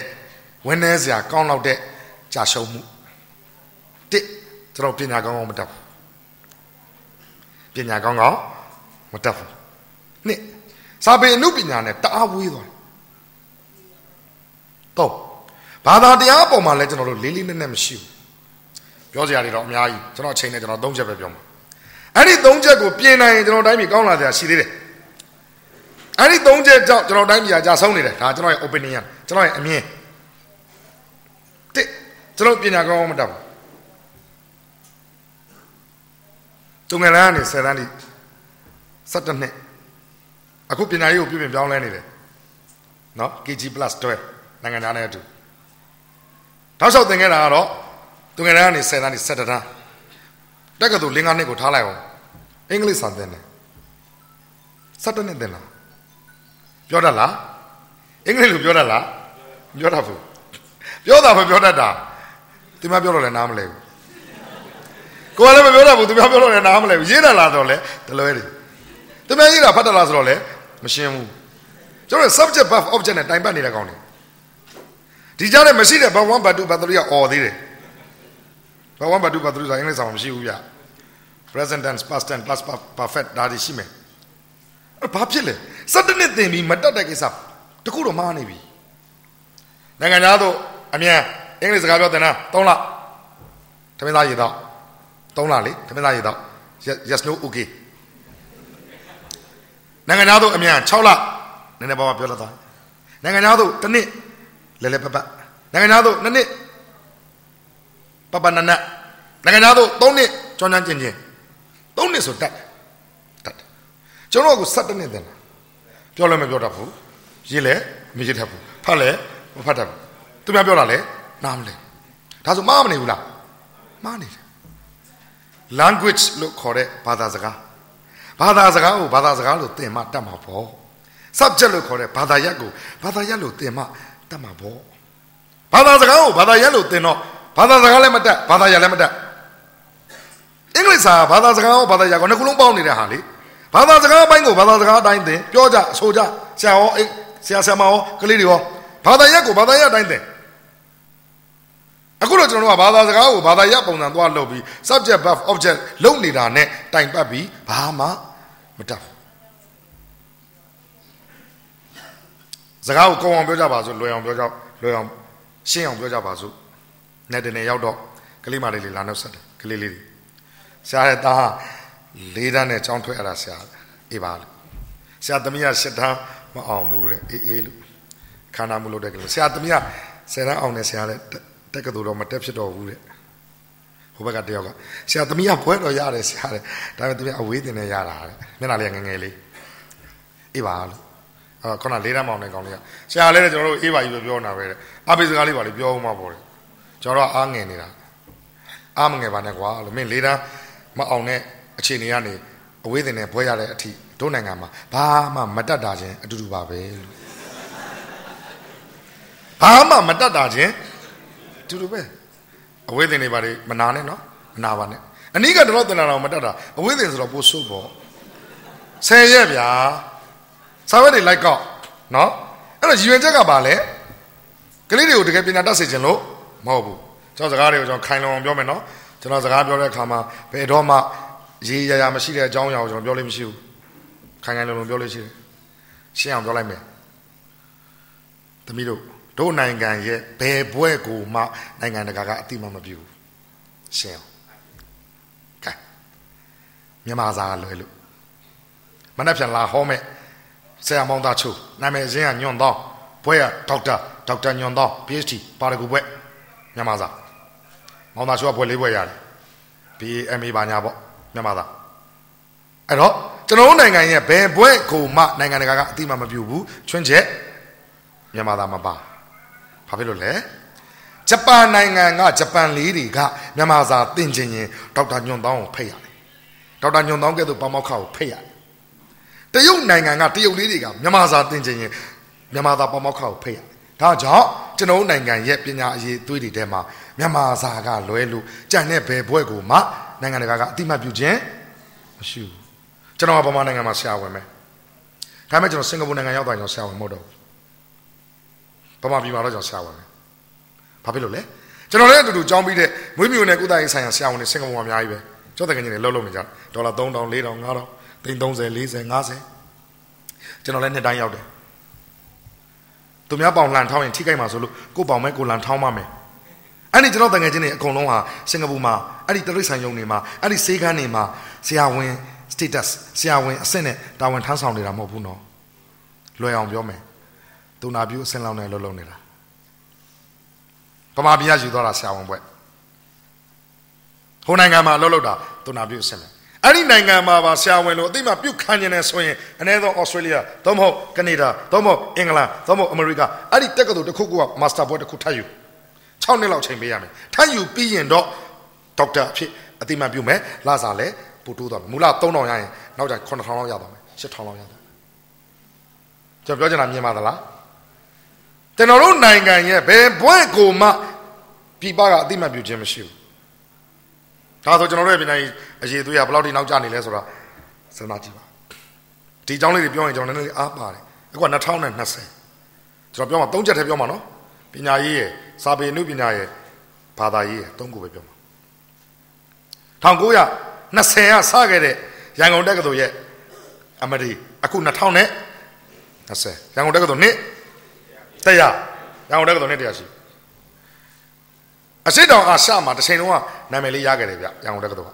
ကျွန်တော်တို့ကြားဘူးနာဝရှိတဲ့ကျွန်တော်တို့မမွေးသေးဘူးလေကြားဘူးနာဝရှိတာလေးနဲ့ပြောရင်စင်ကာပူကလာတက်ရတယ်ထိုင်းကလာတက်တယ်လာအိုကလာတက်ရတယ်ဗီယက်နမ်ကလာတက်ရတယ်ဆိုတာမျိုးရှိ ဂျပန်ကလာတက်ရတယ်ဆိုတာမျိုးဖြစ်ရန်ကုန်တက္ကသိုလ်နောက်ဆုံးကျွန်တော်ကြားဘူးတဲ့စကားပါလေစင်ကာပူဝန်ကြီးချုပ်လီကွမ်ယူရန်ကုန်တက္ကသိုလ်လာကြည့်ပြီးရန်ကုန်တက္ကသိုလ်ရဲ့ campus ပရဝုံကိုကြည့်ပြီးပြောတဲ့စကားစင်ကာပူမှာဒီရန်ကုန်တက္ကသိုလ်လို့တက္ကသိုလ်မျိုး10နှစ်အတွင်းဖြစ်အောင်လုပ်မယ်လို့ကြွေးကြော်သွားတယ်ဒီစကားတွေပြန်ကြားကျွန်တော်တို့တိတ်မခေခဲ့ဘူးအရှိတောင်အာရှနဲ့အာရှမှာအနှဲငယ်ထူထူထောင်ထောင်ရှိခဲ့တဲ့ကျွန်တော်တို့ရန်ကုန်တက္ကသိုလ်ကြီး တားစိတ်ဝင်စားတယ်ကျွန်တော်ဒီချိန်မှာခေါ်ပညာရေးအကြောင်းပြောနေလို့အဲ့ဒါအခုလက်ရှိကျွန်တော်တို့ရဲ့ပညာရေးအခြေအနေဘယ်လောက်ရှိလဲလို့သိကြတော့ကျွန်တော် internet Google မှာရိုက်ပြီးတော့ရှာပါတယ်ဗမာလိုရိုက်ချင်ရင်ကမ္ဘာတက္ကသိုလ်အဆင့်တတ်မှတ်ချက်များအင်္ဂလိပ်လိုရရင်ပုံမြန်တယ် ranking of world universities rank R A N K rank center world university ကမ္ဘာတက္ကသိုလ်အဆင့်တန်းရိုင်းလိုက်ကြလာမယ်1 2 3 Cambridge University Oxford University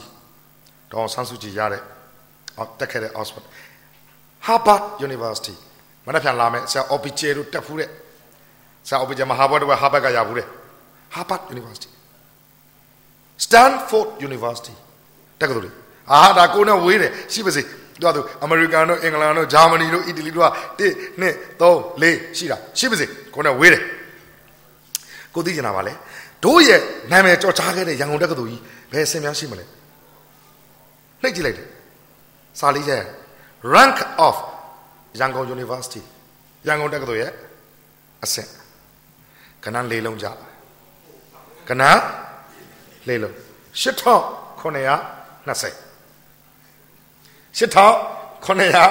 8921ရဲ့အပေါ်မှာရှိတယ်အားမငယ်နဲ့လေ8921ရဲ့အပေါ်မှာရှိတယ်ကျွန်တော် 919ရဲ့အောက်မှာရှိတယ်သိကျင်သွားပြီတို့တက်ကတော်အဲ့လိုဖြစ်သွားပြီဆိုတော့တို့နိုင်ငံကိုမော့ကြည့်ကြရတဲ့စင်ကာပူကျွန်တော်သားအခုတောဘက်ဆန်စစ်တက်ကတော်မှာတတိယနှစ်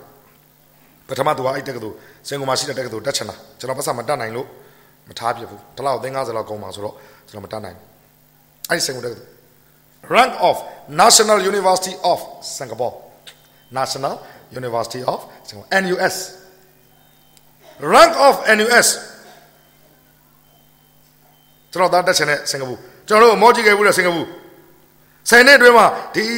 ရန်ကုန်တက္ကသိုလ်ကြီးတို့ဖြစ်အောင်ကြိုးစားမယ်ဆိုတဲ့စင်ကာပူခဏနှလုံးကြလာ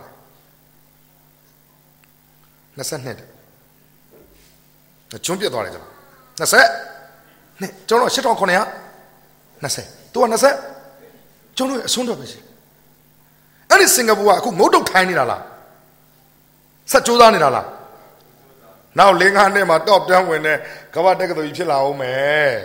ဟုတ်လားဒီတိုင်းဆိုနောက်50နှစ်မှာစင်ကာပူ DNUS National University ကစင်ကာပူရဲ့မျိုးသားတက္ကသိုလ်က top 10ဝင်တော့မှာလေခုကို20နှစ်ဖြစ်နေပြီတစ်ချိန်တုန်းကကျွန်တော်တို့ကိုမော့ကြည့်ခဲ့ဘူးတဲ့တစ်ချိန်တုန်းကကျွန်တော်တို့ကိုတန်းတာခဲ့ရတဲ့နိုင်ငံက22 top 20မကြခင်မှာ top 10ထဲမှာဝင်တော့မယ်ကျွန်တော်တို့က8920 ကျွန်တော်သတိပေးတာပါကျွန်တော်ညီများကျွန်တော်နှမများသတိပေးတာပါကျွန်တော်ပညာမတတ်လို့မရတော့ဘူးအောင်မြင်တဲ့နိုင်ငံတိုင်းကလူတွေကပညာတတ်တယ်အောင်မြင်တဲ့နိုင်ငံတိုင်းဟာပညာကိုဂရုစိုက်တယ်စစ်စစ်ငုံငုံတွေ့ရင်လည်းဘာမှသိလှုပ်ရှားမရှိတော့ဘူးဗျအမေရိကန်သမ္မတဒေါ်နယ်ထရန့်ကအဲ့ဒီအီရန်ကဒုတိယစစ်ဗိုလ်ချုပ်ကိုပြစ်လိုက်ကွာလို့ပြစ်လိုက်တော့ဟိုကောင်သေးပြီလေဘက်ကရက်လေစိတ်ကထွက်ကားတဲ့အဝင်လူမပါတဲ့ဒုံးနဲ့ ကွယ်လွန်သွားတဲ့ဆရာကြီးဦးအောင်တင်ပြောခဲ့တဲ့စကားဓာတ်ထိကွတိဟဲ့ကောင်တွေလုံးမနေနဲ့အခုကဘာထွင်နေတဲ့ကြီးစံတွေကမတ်ပုံနေနံပါတ်နဲ့လာပါတဲ့ပြစ်လို့တဲ့လူရဲ့မတ်ပုံနေနံပါတ်နဲ့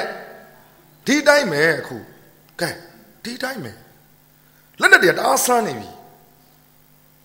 နော်အဲ့တော့အဲ့ဒီအချိန်မှာကျွန်တော်တို့ကအလွန်အင်မတန်နောက်ကျပြီတယောက်နဲ့တယောက်ဆဲ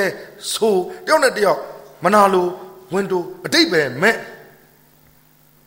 သူများလုံနေတာကိုလည်းမကျင်တာဘူးကိုယ်တိုင်လာလို့ပါဆိုလည်းမလုပ်တတ်ဘူးဖြစ်ပုံဖြစ်ပုံပြောလိုက်ရင်တော့ဗုဒ္ဓမြတ်စွာဘုရားကြီးမေတ္တာကြီးအောက်တွင်ရှိသောကြောင့်လူတွေကအယုတ်တမာတွေဖះလည်းအာမနာဘူးလူတွေအယုတ်တမာတွေကျွန်တော်စာလေးနှစ်ကြောင်းရေးဘူးတဲ့ဗုဒ္ဓမြတ်စွာဘုရားမျက်စိမှဒေသမှာပွင့်တော်မူတယ်လို့ဗုဒ္ဓမြတ်စွာဘုရားရဲ့မေတ္တာရဲ့အောက်မှာရှိတဲ့လူတွေကတော့မစ္စရိယဒေသမှာလွင့်တော်မူနေကြတယ်လို့ မိုးလင်းတဲ့ကမနာလိုဝင်တို့ဖြစ်ပြီးဆဲဆိုနေတာမပြီးတော့ဘူးတတိစီစီဝေဘာမှာဆောလဲမဝေဘာရဲဘူးဆောတော့ကျွန်တော်စောက်ထားခြင်းပြောခဲ့တဲ့စကားလို့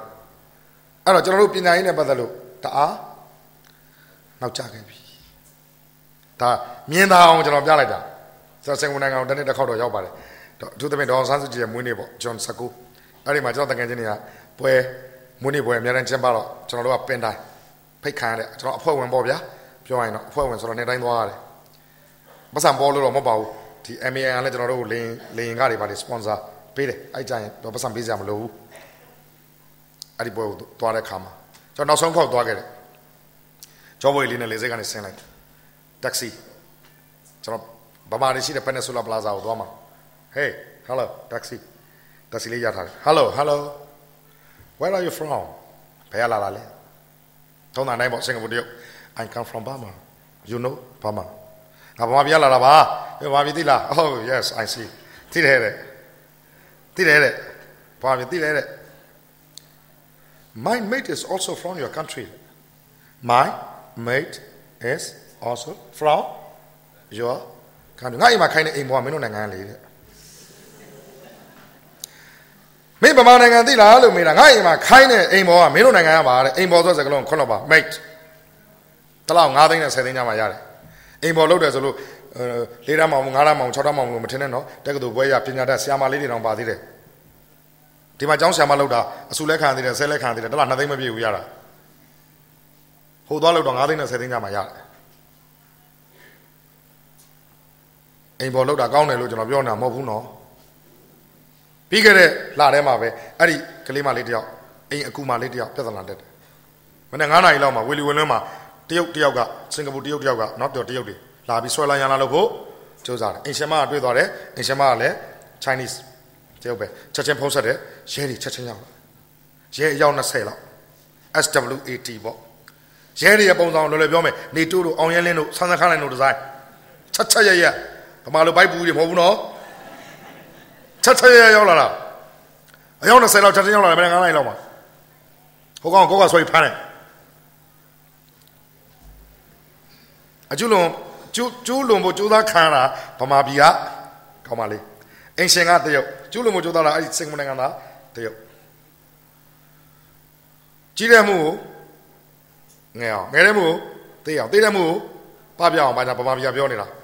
စင်ကာပူကတော့လည်းမပြောဘူးတပတ်အတွက်မှာမိန့်ချတပတ်တပတ်ချိန်တန်၃ချက်ချိန်တန်တစ်ချက်တစ်ချက်ကသေအောင်ခမ်းလာနော်စင်ကာပူချိန်တန်ချိန်တန်၃ချက်ထောင်တန်း ၃လအဲ့ဒါအထမမြောက်လို့နော်အထမမြောက်လို့နော်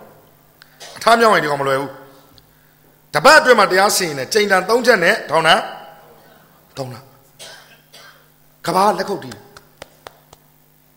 ဒါကြောင့်စင်ကာပူနိုင်ငံဟာတရားဥပဒေစိုးမိုးမှုနဲ့ပတ်သက်ရင်အင်မတန်ယုံကြည်ရတဲ့နိုင်ငံလို့ပြောတာပေါ့ပါညာဟောကြော်ညာတွေဝင်ကုန်ပြီစင်ကာပူနိုင်ငံဟာတရားဥပဒေစိုးမိုးမှုနဲ့ပတ်သက်ရင်ဒါတော့သူ့နိုင်ငံသားမဟုတ်ဘူးဒီအိမ်အိမ်အကူမလေးကဗမာနိုင်ငံသားသူ့နိုင်ငံသားမဟုတ်ဘူးသူ့ နိုင်ငံသားမဟုတ်တဲ့သူကိုတော့သူကဒီလိုဆောင်းလျှောက်တယ်လာမလုံးနဲ့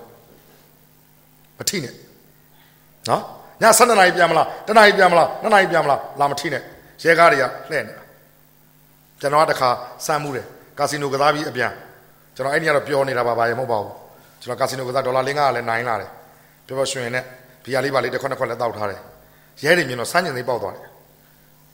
အဲ့တော့ရဲတွေကရောက်လာတဲ့ခါလက်သားတော့ရဲတွေရက်ပြီးတယ် စကားပြောတော့ပြောလို့ရတယ်ငါကာစီနိုကထွက်လာတာအေးတယ်မင်းအချိန်နေလို့ထုံးတဲ့တိုင်းမှာကွာကာစီနိုဆိုရှုံးတာပေါ့ကွာအေးတယ်အဲ့တော့ပြန်ကြမရှိတော့ဘူးဘယ်ပြန်မှာလဲငါ Bukit Batok 25 block ပြန်ကားကလည်းမရှိဘူး okay okay လိုက်ပို့တယ်လိုက်ပို့ပေးတယ်ပို့ပေးတယ်ပို့မှာပေါ့သူ့ကာစီနိုမှာကျွန်တော်ပတ်စံနေကုန်ခဲ့ပြီလို့ပြောတာသူနားလဲတယ်လေဒီကာစီနိုအဲ့လိုနိုင်ငံခြားလာတဲ့ကောင်တွေရှာအဲ့လိုပတ်စံနေယူနေကြ ဒါပေမဲ့ဒီကကောင်ကဒေါ်လာ900လောက်နိုင်လားသူမသိဘူးထားပါတော့တကပို့ပေးတယ်နော်ဂီလန်ဆိုရှိဂီလန်ဂီလန်ဂီလန်ဆိုတာလေတမီးတို့ကတော့ကတော့လူကြီးများကတော့ဂီလန်ဆိုတာလေအပျော်အပျော်မိန်းမတွေရှိတယ်တတ်မှတ်ထားတယ်1 2 3ပါညာခဏနေတော့တိကျမမှတ်မိဘူးအဲ့ဒီမှာသူကဘယ်နှလန်းနေဘယ်နှလန်းအထိကဧည့်သည်ကိုထွက်ဆွဲလို့ရတယ်တင်းနေတော့လင်းငါပေါ့ဘယ်လန်းကနေဘယ်လန်းအထိကဆွဲလို့မရဘူး ဆွဲလို့မရရင်အဲမှာပဲထိုင်နေဆွဲလို့ရရင်အပြင်ကိုထွက်ကျွန်တော်မှတ်မိတာတော့အမှကျွန်တော်ပြောတာ hey hey hello hey 50 50 dollar 50 dollar come come come 50 dollar 50တော့စကားလည်းမပြီးဘူးအမဘာလို့ကျတော့ဘင်္ဂလီရှိတယ်ဘင်္ဂလားဒေ့ရှ်ရှိတယ်ဖောက်ထုတ်လို့ခေါ်တယ်ဖိလစ်ပင်းရှိတယ်နော်တရုတ်ရှိတယ်ခငယ်အဆုံးရှိတယ်ဗျာအဆုံးရှိတယ်ဂျပန်လည်းရှိတယ်မလေးရှားလည်းရှိတယ်မလည်းအဲ့လိုမျိုးရှိတယ်ပေါ့ တချို့တော့ပြောတာဗမာတွေတောင်ရှိပါတယ်တဲ့ဒါတော့ဗမာချင်းချင်းလွှတ်ဝတ်ထားတယ်တဲ့ဗမာတွေလည်းရှိတယ်တဲ့ဒါတော့အကုန်လုံးကခေါ်ခွင့်ရတဲ့နေရာမှာသူက hey hello 50 dollar come come ကျွန်တော်မှရီလဲရီချင်းဘူးသူလည်းရအောင်သွားတာဆိုတော့လေညနေနာရီ3နာရီအစ်စပဲခေါက်ဆွဲတွေပါသူစားမလားကျွေးမယ်ဆိုရင်စားလို့ရတယ်အဲ့ဒီမှာအဲ့ဒီခေလန်းရဲ့တစ်ဆောက်မှာရဲကားတွေကတောက်လျှောက်ပတ်နေတယ် ကျွန်တော်အဲ့ဒီနေကံမြို့ကံကိုမေးတယ်ဘာလုပ်တာလဲဒီရဲကားတွေသူတို့ရဲ့အဲ့ဒီအလုံးလုံးနေတဲ့မိန်းကလေးတွေကိုစောင့်ရှောက်နေတာတဲ့စော်ကားမှာဆိုလို့ကောင်းလိုက်တာကွာတို့နိုင်ငံကတော့ဘုကြောင့်ဆန်ပြောခဲ့တယ်ဒီလိုသာလုပ်ရင်တော့တို့နိုင်ငံဖာနိုင်ငံကြီးဖြစ်လိမ့်မယ်လို့ပြောခဲ့တယ်ခုလည်းဖြစ်နေပါပြီလို့မင်းတို့နိုင်ငံကကြတော့ဒီလိုလုပ်နေတဲ့သူတွေကိုတော့မင်းတို့ဆောင်းလျှောက်တယ်ကောင်းလိုက်တာကွာလို့ခဏနေတော့ထမင်းတုပ်တွေလာပေးတယ်စပိန်လိုဟာမျိုးမှာကယ်ရီလိုမှာထမင်းတုပ်တွေတင်ထားပြီးတော့ဝင် ရုံးဝစ်ဟွာနဲ့ယူနီဖောင်းနဲ့အဲ့ကလေးတွေကလေစကားတွေပါလေပြောလို့ထမင်းတထုပ်တထုပ်ညလဲစာစားဖို့ထမင်းလို့အဲ့ဒါဘာလုပ်တာလဲဆိုတော့အဲ့ဒါလေဒီကအစီအစဉ်ပဲကွာတယ်အလကားကျွေးတာတော့မဟုတ်ဘူးကွာတယ်ဒါတော်တော်ဈေးသက်တာလေပြောချင်တာကွာတယ်အဲ့ထမင်းကိုမင်းအဲ့ဆိုင်မှာတော့စားမယ်ငါ9ဒေါ်လာဆိုရင်ဒါမင်းငါထင်နေတာ2ဒေါ်လာလောက်ပဲပေးရမယ်ဒါဒါဒီအစီအစဉ် contract ပေးထားတာအသားနဲ့ငါးနဲ့စားလို့ရတဲ့အနေအထားပေါ့ဆိုတော့ ထားတော့ကျွန်တော်ပြောချင်တာဒီစောင့်ရှောက်တယ်ခုနတရားဥပဒေစိုးမိုးမှုကျွန်တော်တကယ်ကြီးပြီးကြတဲ့လာပိုင်းထဲမှာအမှုတစ်ခုဖြစ်တယ်ပတ်စံကိစ္စပါတင်ရာကနန်းပေါ့ဗျာမှားသွားတယ်ကုမ္ပဏီကနေမှားသွားတယ်မှားတော့ကျွန်တော်တကယ်ကြီးနေဝိုင်းဆိုပြီးတော့ဇနီးတယ်ဟောပါပေါ့ဟေးအဲ့ဒါမှားလို့မဖြစ်ဘူးဆိုတော့ပြန်ပြီးပေါ့ဒါပေမဲ့ဟိုကကုမ္ပဏီကမြန်တယ်တရားဆွဲလိုက်တယ်တရားဆွဲတော့ရဲရလာဖမ်းတယ်ရဲရလာဖမ်းတယ်ရဲရလာဖမ်းတော့ရဲအကြိုင်ကြီးဖမ်းလို့ မရဘူးရဲဘူးသူရနော်ကလေးတွေမှတ်ထားအောင်ရဲက24နာရီပဲချုပ်ခွင့်ရှိတယ်နော်ရဲ48နာရီချုပ်ခွင့်မရှိဘူးနော်24နာရီတည်းပို့ချုပ်ခြင်းတရားဥမှာယမန်ယူရတယ်ရမန်လို့ခေါ်တယ်ဗမာလိုတော့ယမန်ပေါ့တရားရုံးကခွင့်ပြုမှယမန်ကြီးနှစ်ပတ်ဆို14ရက်နော်ရဲရဲ့တဘာဝရ24နာရီတည်းပို့ချုပ်လို့မရဘူးအဲ့တော့ယူလိုက်တော့ယမန်ပေးလိုက်တော့အဲ့ကောင်ချုပ်တော့ရောက်သွားဒါပေမဲ့ဒီမှာပတ်စံပေးပြီးပြီအကိုကြီးအမကြီးမှားသွားတယ်နော်ဒီမှာပတ်စံမှားသွားတဲ့ပတ်စံမှာနော်ကြည်ရတယ်နော်ထုတ်ပြီ ဒါပေမဲ့ရဲကိုတိုင်ပြီးသားဖြစ်တဲ့အတွက်အဲ့ဒီအမှုကရုံးရောက်သွားတယ်ကျွန်တော်လုံရင်းပဲပြောမယ်ဗျာ6လကြာတယ်6လကြာဘာတွေကိုစစ်နေမှလည်းမသိဘူးတယောက်မတယောက်စစ်နေတာဒီမှာကုမ္ပဏီကလည်းကျင်တတ်ပါပြီရတဲ့ပတ်စံလည်းဖြစ်ပါပြီကြည်အေးပါပြီလို့ပြောနေပါရဲ့နဲ့ကိုစစ်နေတာ6လ6လမပြီးဘူးလွယ်အောင်ပဲပြောကြစို့ပမာဏအသိန်း300အခက်ခဲရှိလို့ဖြစ်သွားတာမလွယ်ကူလို့လိုအပ်လို့ဖြစ်သွားတာ လိုရင်းပဲပြောကြစို့သိန်း30လောက်လက်ထိုးမှပြီးသွားတယ်အဲ့ဒါတော့မှဥပဒေဆွဲကြလို့ခေါ်တဲ့ဥပဒေဓမ္မတယောက်ကပြောတဲ့ဇကားကဘာလဲဆိုရင်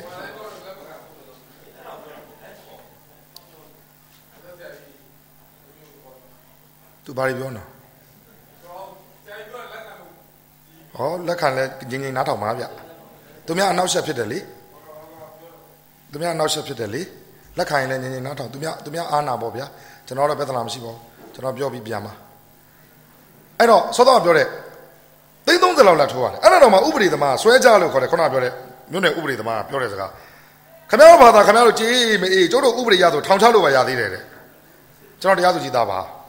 ကျွန်တော်တရားသူကြီးသားပါကျွန်တော်သိပါတယ်ဟာစင်ဂျင်တုံတရားဆိုတာမရှိတော့ဘူးလား အခုတရားသူကြီးလုံနေတဲ့သူတွေကကျွန်တော်အဖေတို့မျိုးဆက်ရဲ့တပည့်တွေပါအဲ့ဒါနဲ့ကျွန်တော်ကအဲ့လူကြီးတယောက်ကိုကျွန်တော်မေးပါတယ်ဆရာအနေနဲ့ဒါတရားသူကြီးဆိုရင်ဒီအမှုကိုဘလို့စီရင်မလဲဆရာလို့မေးတော့အဲ့ဆရာကပြုံးပါတယ်ကျွန်တော်စိတ်နဲ့ဆိုရင်တော့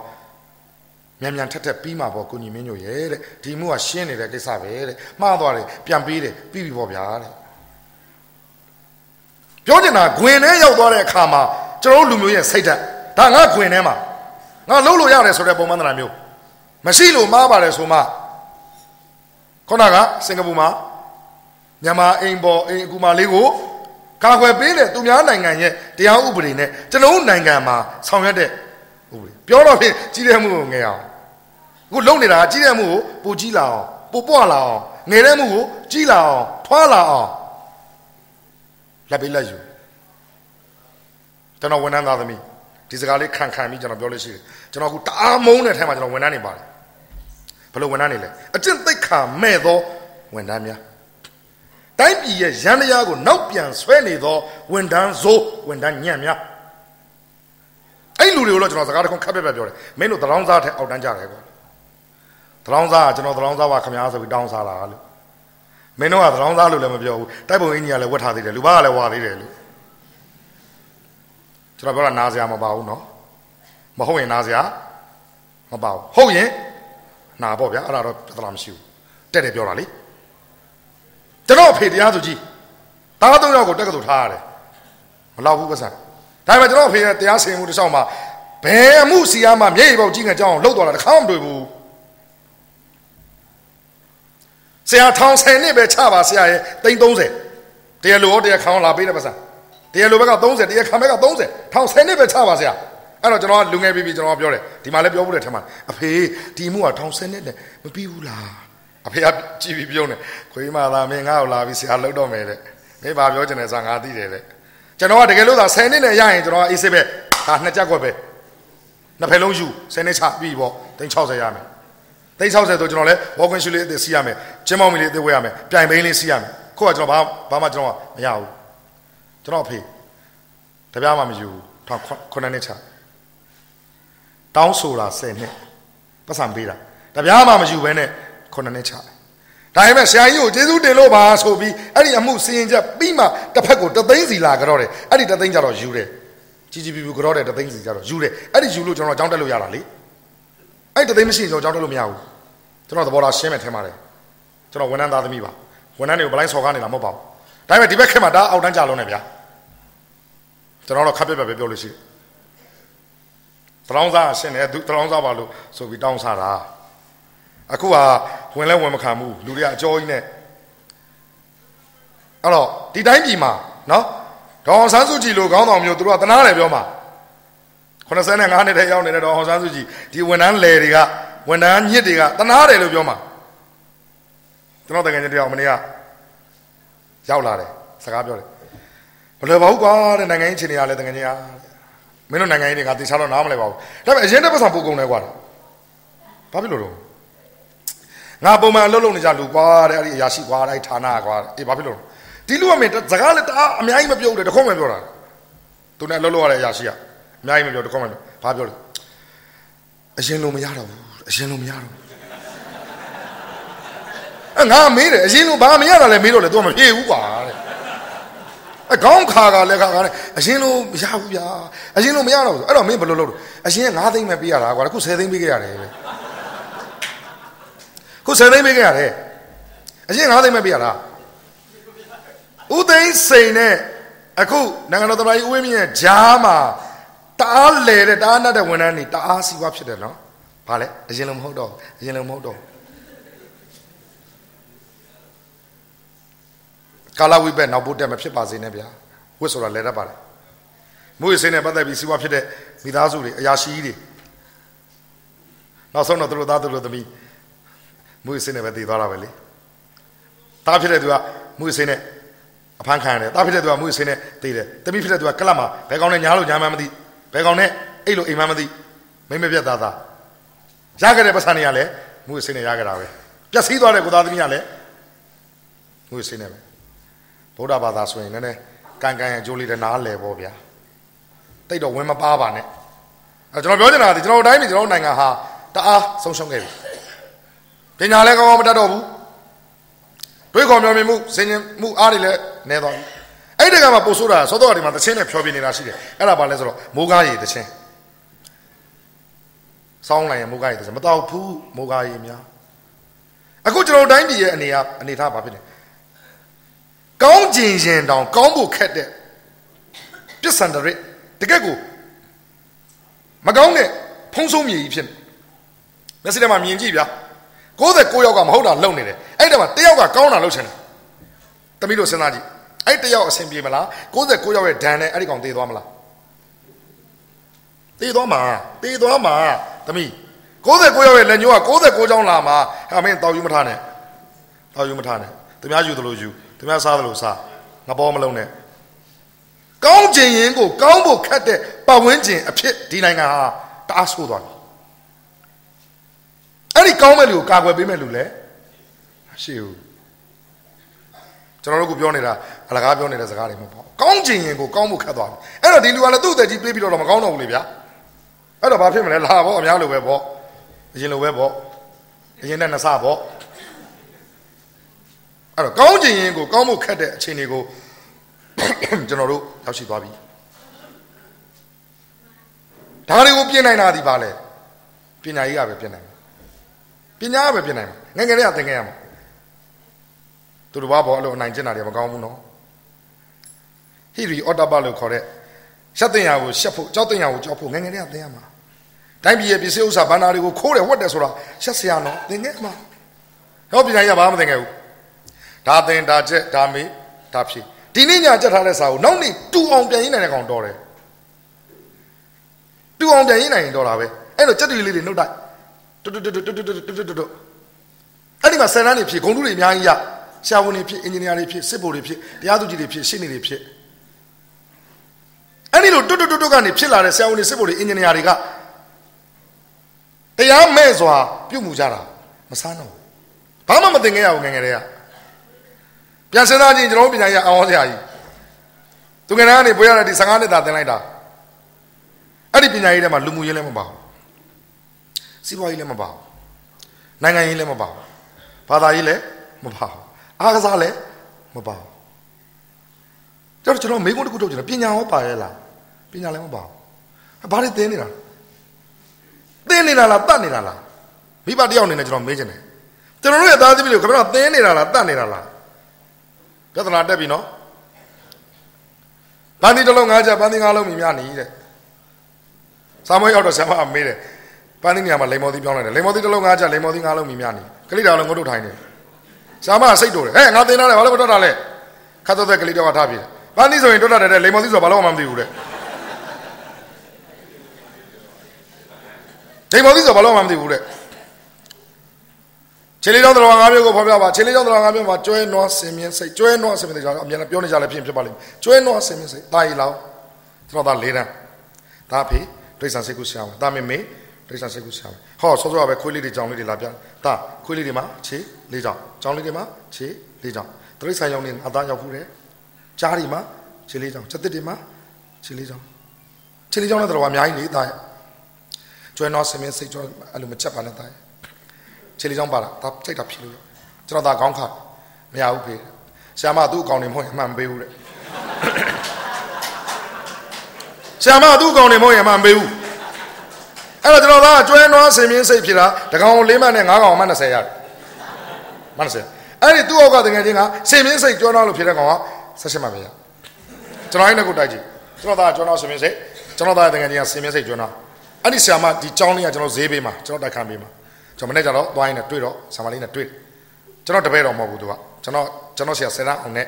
ကလေးလေးကလေးရဲ့တပည့်တကယ်ချင်းပေါ့ကျွန်တော်တပည့်တော်မဟုတ်ဘူးကျွန်တော်ဆရာဆရာအောင်တော့မဟုတ်ဘူးကျွန်တော်ကျရှင်ပြတာဆိုဆာမလေးလို့သမီးရေးလို့ဩဆရာတဲ့ဆရာကိုသိလားလို့သိပါတယ်ဆရာတဲ့နင်းပွင့်တို့ဆရာမလားတဲ့အေးဟုတ်တယ်သမီးသမီးကိုဒီလိုဆရာနှုတ်ဆက်တာပါလို့ဆရာသူ့ထက်ညိုရဲ့အဖေလေးလို့သိတယ်ဆရာတဲ့သမီးကပြီးခဲ့တဲ့ကကျွမ်းတော်ဆင်မစိတ်ဖြေတာသူ့ထက်ညိုမှ20ရတယ်သမီးရဲ့လေဟုတ်တယ်ဆရာတဲ့သူ့ထက်ညိုတော်တယ်ဆရာတဲ့ မှ20အာသူ့ထက်ညိုတကယ်ချင်းလေသမီးဟိုကောင်တုတ်တုတ်လေးလို့ဝတ်တုတ်ကလေးလေးဂျူမုံလေးလို့ဟောသိတယ်ဆရာတဲ့ဂျူမုံလည်းသိတယ်ဂျူမုံကလည်းရှမ်းနေစားအေးအေးသမီးဂျူမုံကျတော့သမီးစင်မစိတ်ကျွမ်းတော်လို့ဖြေတာလေလို့သမီးဆက်ရှင်မှာပဲပြေးထားတယ်အကောင်၅ကောင်လုံးတူတယ်လေသမီးဘာဖြစ်လို့လဲလို့အဲ့ဒါပေါ့ဆရာဆရာသမီးတို့ကတင်လိုက်တာကျွန်းတော့စင်မင်းစိတ်စီရီယယ်လိုက်တိတိကျကျတင်ပေးလိုက်တာဒါကိုဒီကလေးကငငယ်လေးကဗျောင်းပြန်နေလို့တော့သမီးလက်မခံဘူးဆရာဒါတော့စင်မင်းစိတ်ကျွန်းတော့လို့ဖြစ်တော့သမီးနှမလျှော့လိုက်တယ်ကြီးလိုက်ရင်အကျင့်ပါသွားရင်မလွယ်ဘူးဆရာရဲ့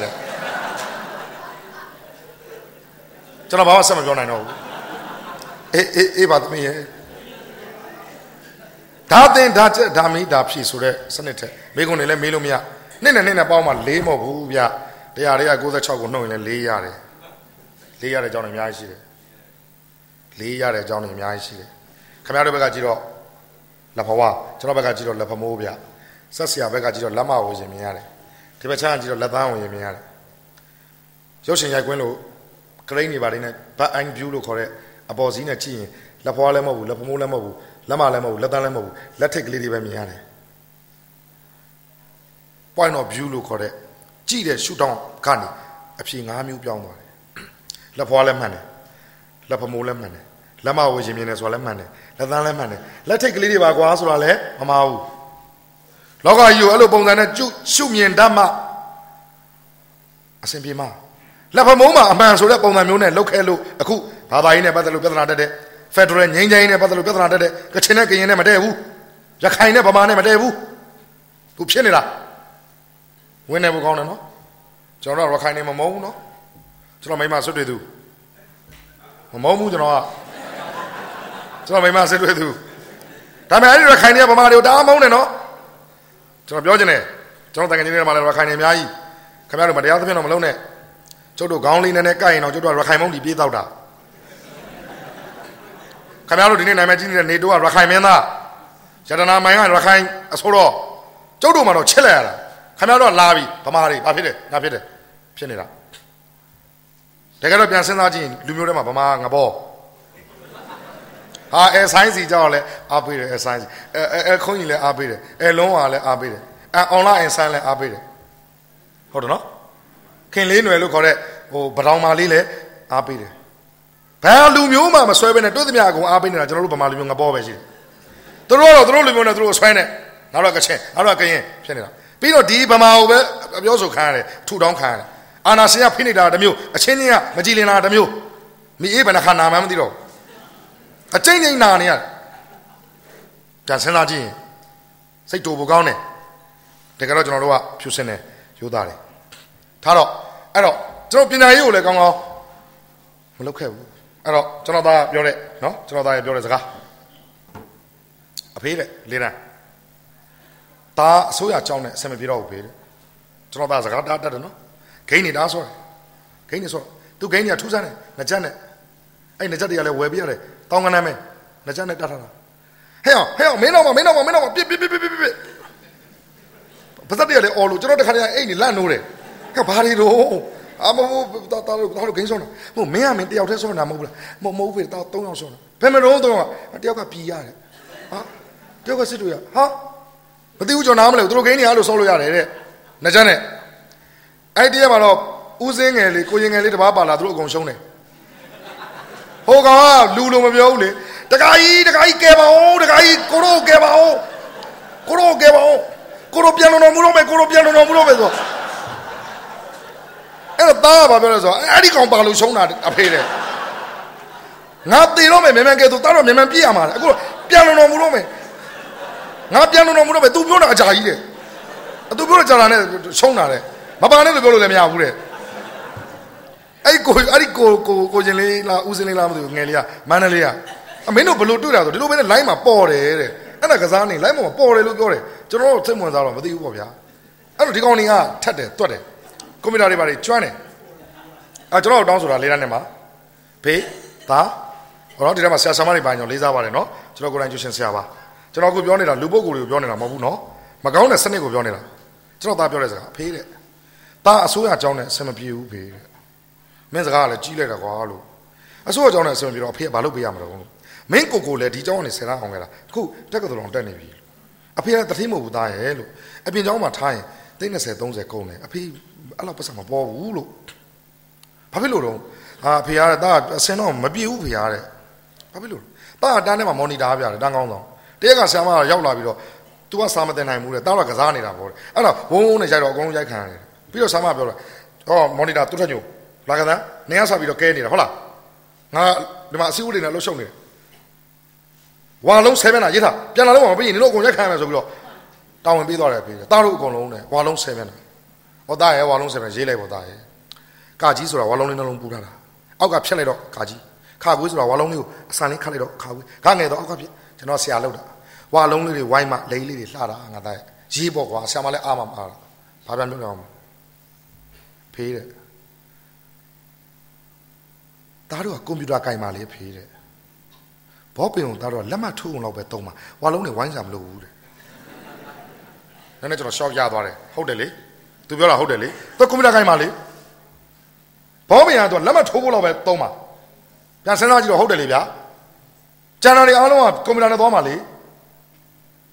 ဘောပင်ုံသားတော့လက်မှတ်ထိုးအောင်လောက်ပဲတုံးပါဖေးတဲ့အဲ့ဒီဝါလုံးတွေကလိုဘူးတဲ့မတတ်လေလေအဲ့လောက်မညံ့ဘူးတဲ့အေးထားတော့ဖြစ်ဖြစ်ချော့မော်ပြီးထားငါးတန်းရောက်တတ်ပြောဖေးတဲ့ဒါအဆင်မပြေဘူးနော်တဲ့အေးအဖေလည်းအဆင်မပြေဘူးလို့ဒါအဆင်မပြေတာလည်းမဟုတ်ဖေးလည်းအဆင်မပြေဘူးလို့ ဘာဖြစ်ပြန်ပြီတုံးလို့ရောက်တယ်ဒီမှာကြည့်တယ်ပလာဆောက်ပလာဆောက်တဝက်စမနာ30လောက်ရှိတယ်တဝက်တင်ချဘာဖြစ်လဲသားတပုတ်ကို10ခေါက်တွက်ခတ်ဖို့ပြောတယ်ဒါကြက်စာဆိုတာကြက်ရတယ်တွက်စာဆိုတာတွက်ရတယ်တွက်မှမှတ်မိတာငါသားဆရာမမှတ်မိစေချင်လို့စာအုပ်ကိုပြစ်ပေးတာဖေးကိုပြီးတော့မှကြော့ကြော့လုပ်တယ်ပြစ်ပြီးတော့အကွာရောင်ကန်းနဲ့ဖန်ကြော့ကြော့ဖေးတယ်အဖေကြိုက်တဲ့အပုတ်မေးပါဒါစိတ်တွက်နဲ့ဖြေမယ် အဲ့ဒါကိုတပုတ်10ခေါက်တွက်နေတော့ဒါဘယ်ချိန်ဂိမ်းဂိမ်းကစားရမှာတော့ည7နာရီထိုးတော့မပြီးတော့ဘူးတဲ့အဖေကြိုက်တာမေးမရလို့ရှိရင်ဒါတွက်မယ်တဲ့ကြိုက်တဲ့အပုတ်မေးဒါစိတ်တွက်နဲ့ဖြေပြမယ်တဲ့တပုတ်ကို10မျက်နှာလိုချင်ရင်လေမိတူဆွဲလိုက်ပါဖေးရတယ်တမျက်နှာမှာ15ချက်ပဲပေးရတာဘာလဲကားတဲ့အချိန်နဲ့ကောင်းအောင်လေဒါလည်းဟုတ်တာပဲကျွန်တော်အခု6တန်းပြောင်းလိုက်ပါပြီကြောင်းပြောင်းလိုက်ပါကြောင်းပြောင်းလိုက်တော့ပြင်ပကြောင်းတိတာထင်ရှားစွာ ဟောကင်ရှူးနဲ့ဂျမောင်းမီနဲ့သူကြောင်းဂျမောင်းမီဝလို့ရတယ်ဘောင်းမီဝလို့ရတယ်ကြောင်းအပေါ်တော့ကြောင်းမစိုးဖဏ300ဝယ်ပေးရတယ်အာကသာရဲမှာစီမာနဲ့ဘယ်ရဲမှာစီမာဟာနဲ့ပေါ်ပါပါပြောပြောဆွဆွကြောင်းမနေ့6နာရီဆိုရေမိုးချိုးပြီးပြီအတန်ပြန်လေးရလဲကြိုက်တော့ညနေပြန်လာတယ်၄နာရီလောက်ချူရီတန်နေနဲ့ကြည့်လိုက်တော့ပျော်ရွှင်ပေါ့ပါလန်းဆန်းကျွန်တော်ပတ်စံပေးရကြိုးနတ်တယ်ကျောင်းတက်တဲ့ကလေးတယောက်ပျော်နေရမယ်ပြည်နိုင်ကြီးကပျော်နေရမယ် ကျောင်းသားပျော်နေပြီတည့်ကြတော့သူကပြန်လာပြီဖေးတယ်ကျွန်တော်အခုလိုမျိုးဟောပြောပဲသွားဖို့လုပ်ဖေးဟေးစကားနည်းနည်းပြောလို့ရလားအေးရတယ်ခဏပေါ့ကွာ15မိနစ်ပေါ့ကားလာကြိုရင်တော့ဖေးသွားမှာလို့ပြောလို့ဗာပြောမလို့ထုံးသားတိုင်းကချွဲတတ်တော့ဖေးကိုလာဖက်ဖေးတယ်တာအခုကျောင်းမှာကျောင်းသားသမဂ္ဂဥက္ကဋ္ဌတော်တဲ့ဟမ်ကျောင်းသားသမဂ္ဂရဲ့6တန်း6တန်းနေသားမဟုတ်မင်းကျောင်းသားသမဂ္ဂတွေပါလေပြောမင်းဘယ်သူကဥက္ကဋ္ဌခဏသမဂ္ဂအတိတ်ပဲမသိလားသိတာပါဖေရတယ် သမဂ္ဂဆိုတာအသင်ပင်အစီယုံပဲတဲ့6တန်းက4ခန်းရှိတယ်တာမလုပ်ချင်ပါဘူးတဲ့ဒါအကုန်လုံးကသားကိုလှုပ်ပါလှုပ်ပါလှုပ်ပါပြောတော့လောက်ရတယ်လောက်တော့ဒီတိုင်းတော့ရလာမဟုတ်ပါဗျာ၄ခန်းဆို၄ယောက်ပြန်ရတာပေါ့လေ၄ခန်း၄ယောက်ပြန်ရတာလေအဲ့တော့မင်းဘယ်လိုပြန်အော်ပြောမဲမဲဆွဲရတယ်လေဖေမဲဆွဲရတယ်ဟာမဲဆွဲရတယ်ရုပ်ကပွဲလုပ်ပြီးတော့မဲဆွဲရတယ်လေဖေရတယ်ရုပ်ကပွဲရုပ်ကပွဲလုပ်ဖို့အတွက်မဲဆွဲတဲ့စကားတွေပြောတယ်လေဖေရတယ် အမေဘာတွေပြောတော့ဟာဖေရလည်းသားအဲ့တခါဝင်တခါနဲ့သားပြောတယ်ကောင်မလေးတွေအမှ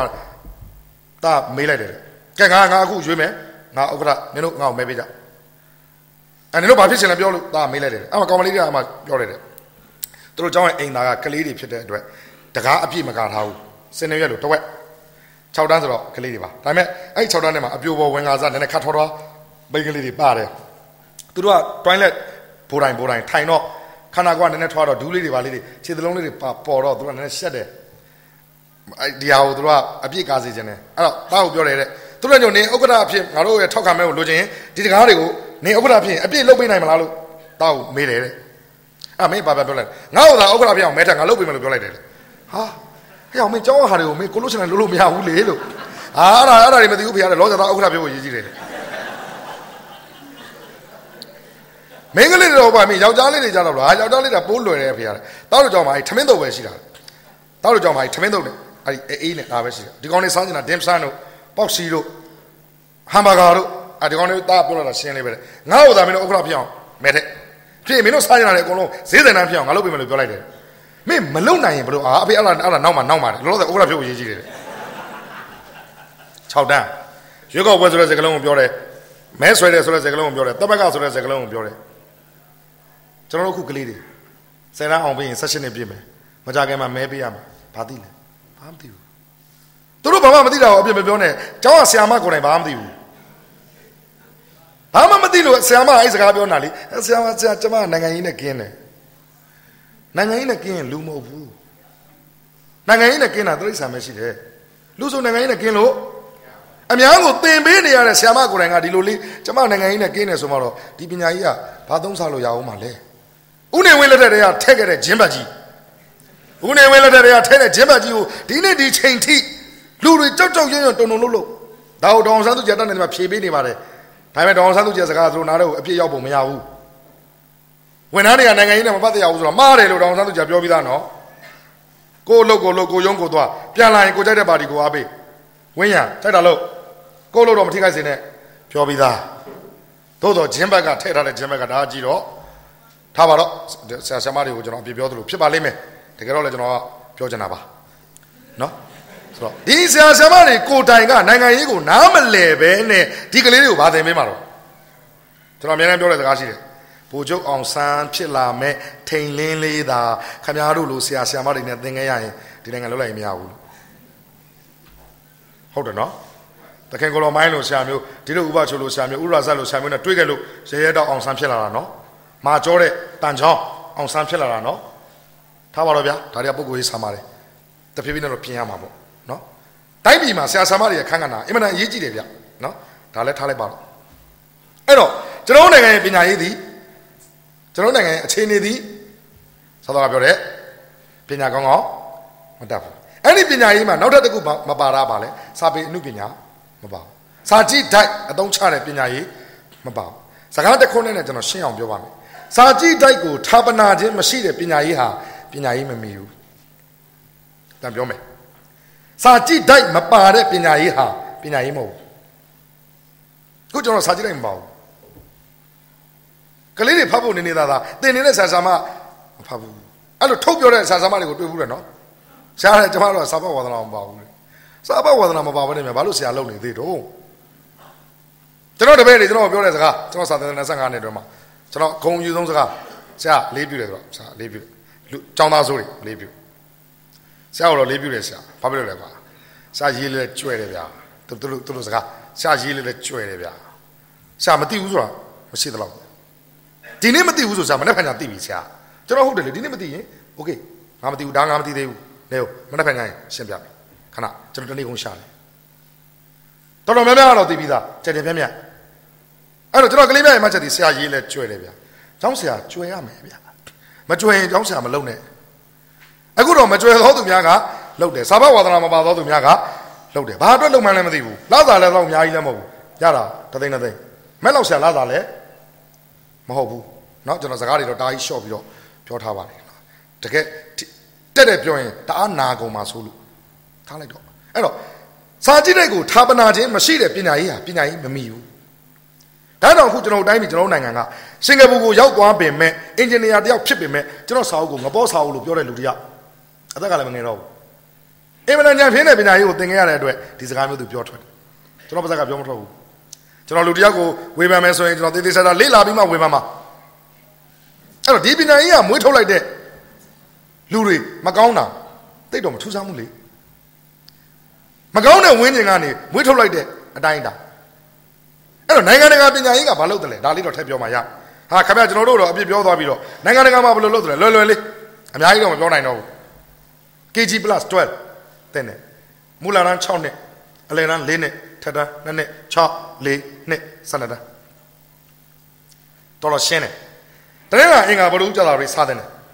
တင်ညာရှိတာတွေတင်တယ်တောက်ကြနေမှာစာကြည့်တိုက်ကိုတွားတယ်စာကြည့်တိုက်ကနေစာအုပ်တအုပ်အတန်းနဲ့လျော်ညီတဲ့အသက်နဲ့လျော်ညီတဲ့စာအုပ်တအုပ်ဖတ် ဘယ်နေလဲတောက်ကြယူသွားစနေဖတ်တနေ့ကနေဖတ်တနေ့လာနေမှာအဲ့ဒါကို workshop လုပ်တယ်တယောက်ချင်းပြောဆရာမတယောက်ချင်းဆွေးနွေးတယ်အဲ့ဒီစာအုပ်ထဲမှာပါတဲ့သင်္ကန်းသားတွေကိုတယောက်ချင်းဆွေးနွေးပြီးတော့အယူအဆအတွေးခေါ်လွဲနေတဲ့လူတို့တယောက်ချင်းတက်ပြီးတကယ်တော့ဒါကျွန်တော်အသေးစိတ်ပြောရမှာဒီမှာမပြောနိုင်တော့လူရင်းပြောရင်တော့စင်ဒရဲလာပုံတယ်စင်ဒရဲလာထဲမှာမိတွေးပါတယ်သမီးချင်းနှစ်ယောက်ပါတယ်စင်လက်ပါတယ်စင်ဒရဲလာလေးပါတယ်မင်းသားပါတယ်ကပွဲချင်းပါတယ်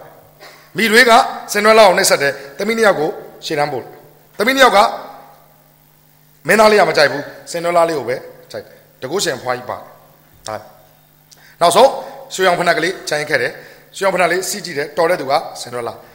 မင်းသားလေးနဲ့စင်ဒရဲလာလေးနဲ့ပေါင်းတယ်ဇလန်တာဆာမမေးတယ်တယောက်ဟေးတားလေးထားပါဦးတားလေးဂျိုးဆက်ဟုတ်ကဲ့ဆာမတားလေးဒီပုံမြင်ထဲမှာဘာဖြစ်ချင်လဲဆာမကျွန်တော်တကိုးရှင်ဖွားကြီးဖြစ်ချင်တယ် ဆာမမတ်ချက်ရေး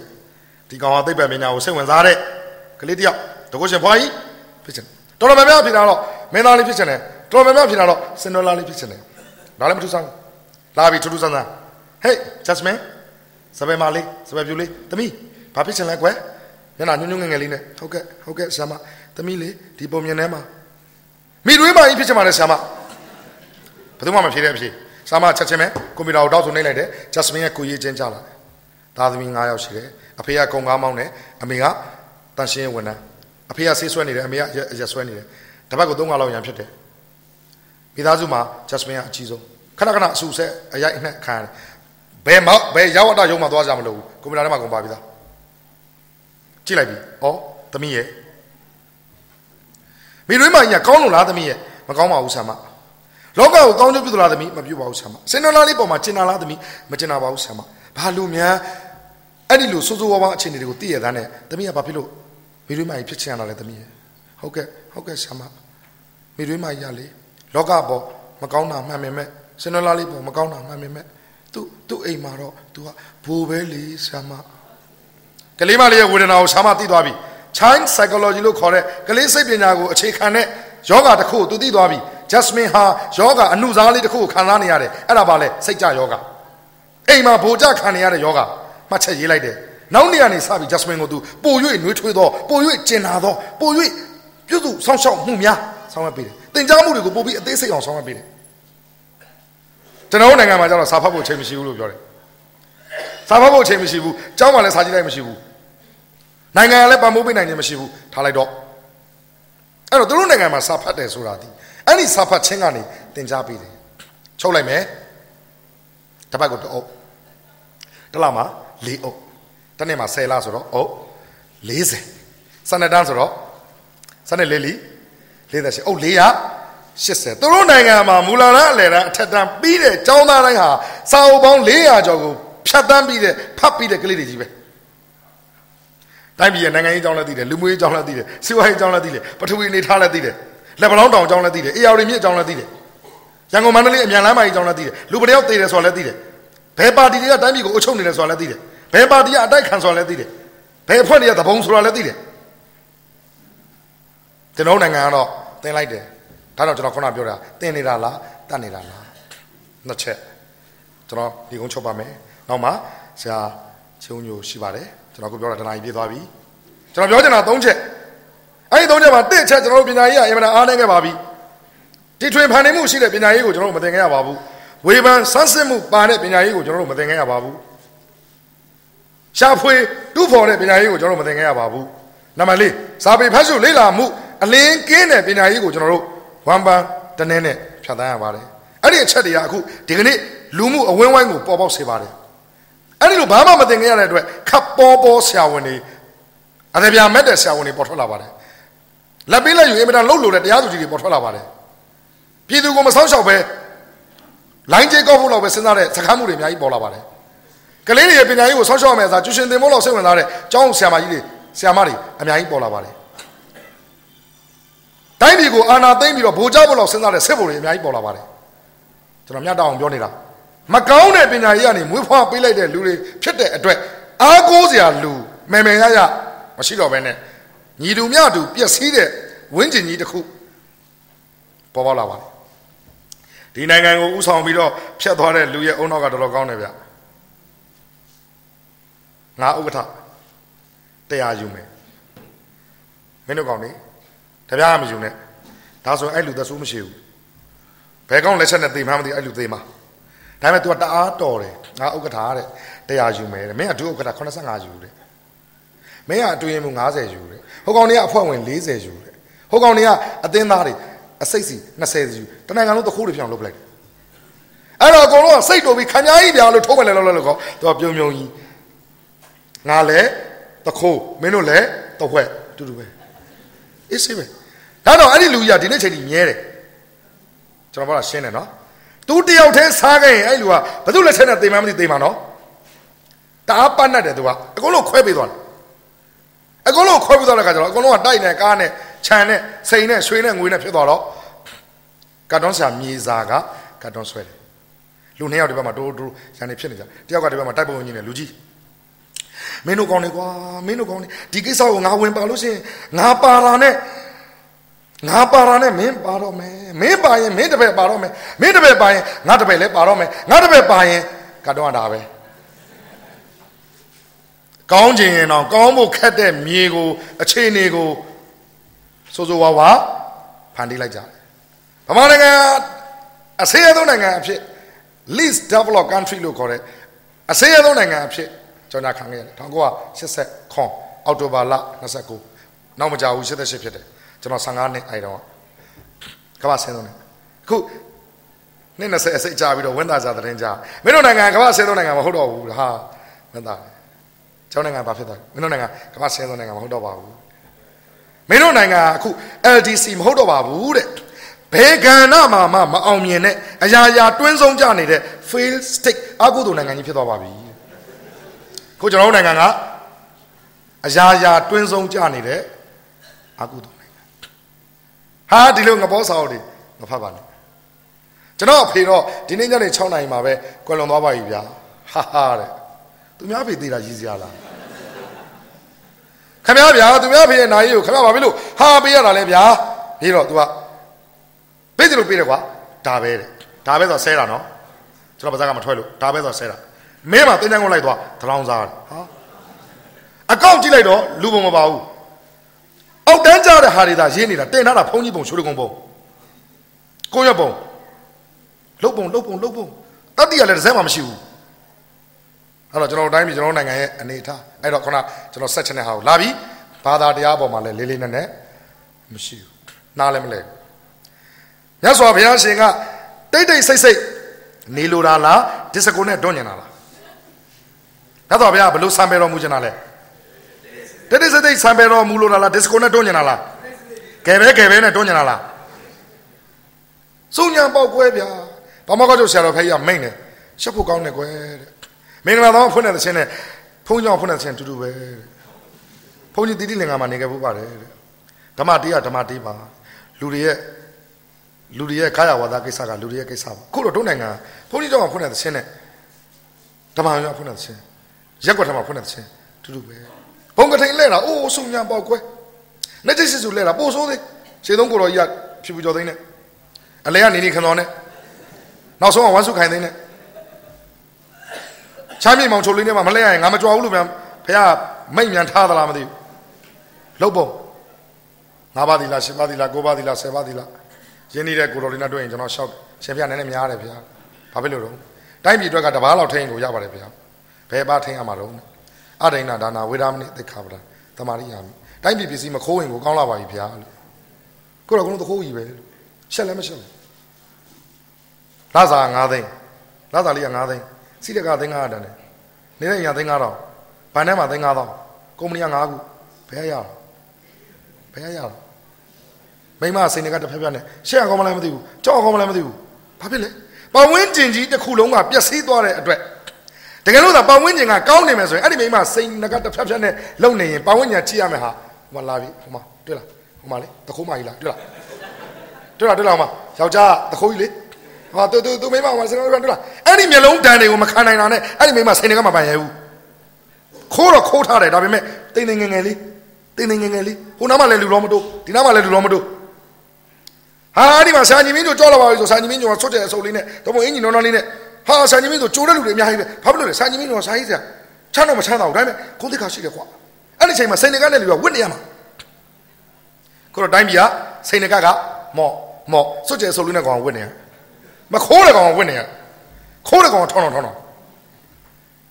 ကျွန်တော်ပြောတဲ့တိုင်းပြည်ပြက်နေတယ်ဆိုတာမြင်ပြီလားဘာသာတရားပေါ်မှာလည်းကျွန်တော်တို့လေးနက်မှုမရှိပါဘူးဟုတ်ပြီကျွန်တော်နေကုန်းချုပ်ပါမယ် ပညာဟာအရေးကြီးတဲ့ကြောင့်ဗုဒ္ဓမြတ်စွာဘုရားရှင်ကလွန်ခဲ့တဲ့နှစ်ပေါင်း2500ဟောတယ်ပညာအရေးကြီးတဲ့ကြောင့်ဒီနေ့အမေရိကန်နဲ့အီရန်နဲ့စစ်တိုက်တာကြီးလည်းကျွန်တော်ပြောပြီးပြီနော်ပြစ်စတဲ့နေရာကိုပြစ်လို့ရနေပြီဗုဒ္ဓမြတ်စွာဘုရားကဟောပါတယ်တဲ့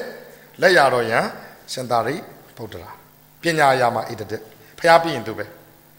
တာဝက80ရှိတယ်ဆိုကိုလက်ဝဲတော်ယံကရှင်မဟာမောက္ကလန်တကူအရာမှာဖျားပြရင်သူပဲဣတတက် တရားထိုင်တော်တို့ဘယ်လိုထိုင်တော်လဲ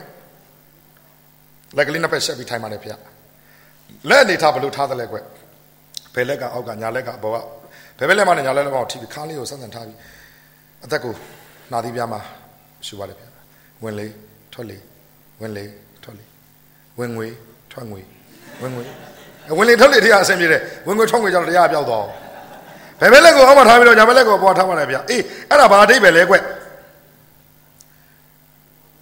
တကိုးရဲ့သဘောတဘာဝသည်မန်ဆောင်ကြတဲ့သဘောရှိတယ်။အာနာရဲ့သဘောတဘာဝသည်မန်ဆောင်ကြတဲ့သဘောရှိတယ်။ပညာရဲ့သဘောသည်ထိမ့်ညိပေးတဲ့သဘောရှိတယ်။ဒါကြောင့်ဗုဒ္ဓမြတ်စွာဘုရားတကိုးဟာမန်ဆောင်ကြတဲ့သဘောရှိတဲ့အတွက်အောက်မှာထားပြီးပညာနဲ့ထိမ့်ညိရမယ်ဆိုတဲ့သဘောကိုအဲ့ဒီတရားထိုင်တဲ့အမှုအရာလေးမှာကလေးကသင်ကြားပေးခဲ့တယ်တဲ့။တကိုးရာမှာဣတရေရတဲ့ရှင်မမောက္ကလံကိုပညာရာမှာဣတရေရတဲ့ရှင်သာရိပုတ္တရာနဲ့ထိမ့်ညိပြီးတော့ဘယ်ကဲ့သို့ပဲချမ်းသာ။ဒါပေမဲ့ဒိုးနိုင်ငံမှာဒီစကားကိုပြောတဲ့ကရင်မျိုးသားကောင်းဆောင်ကြီး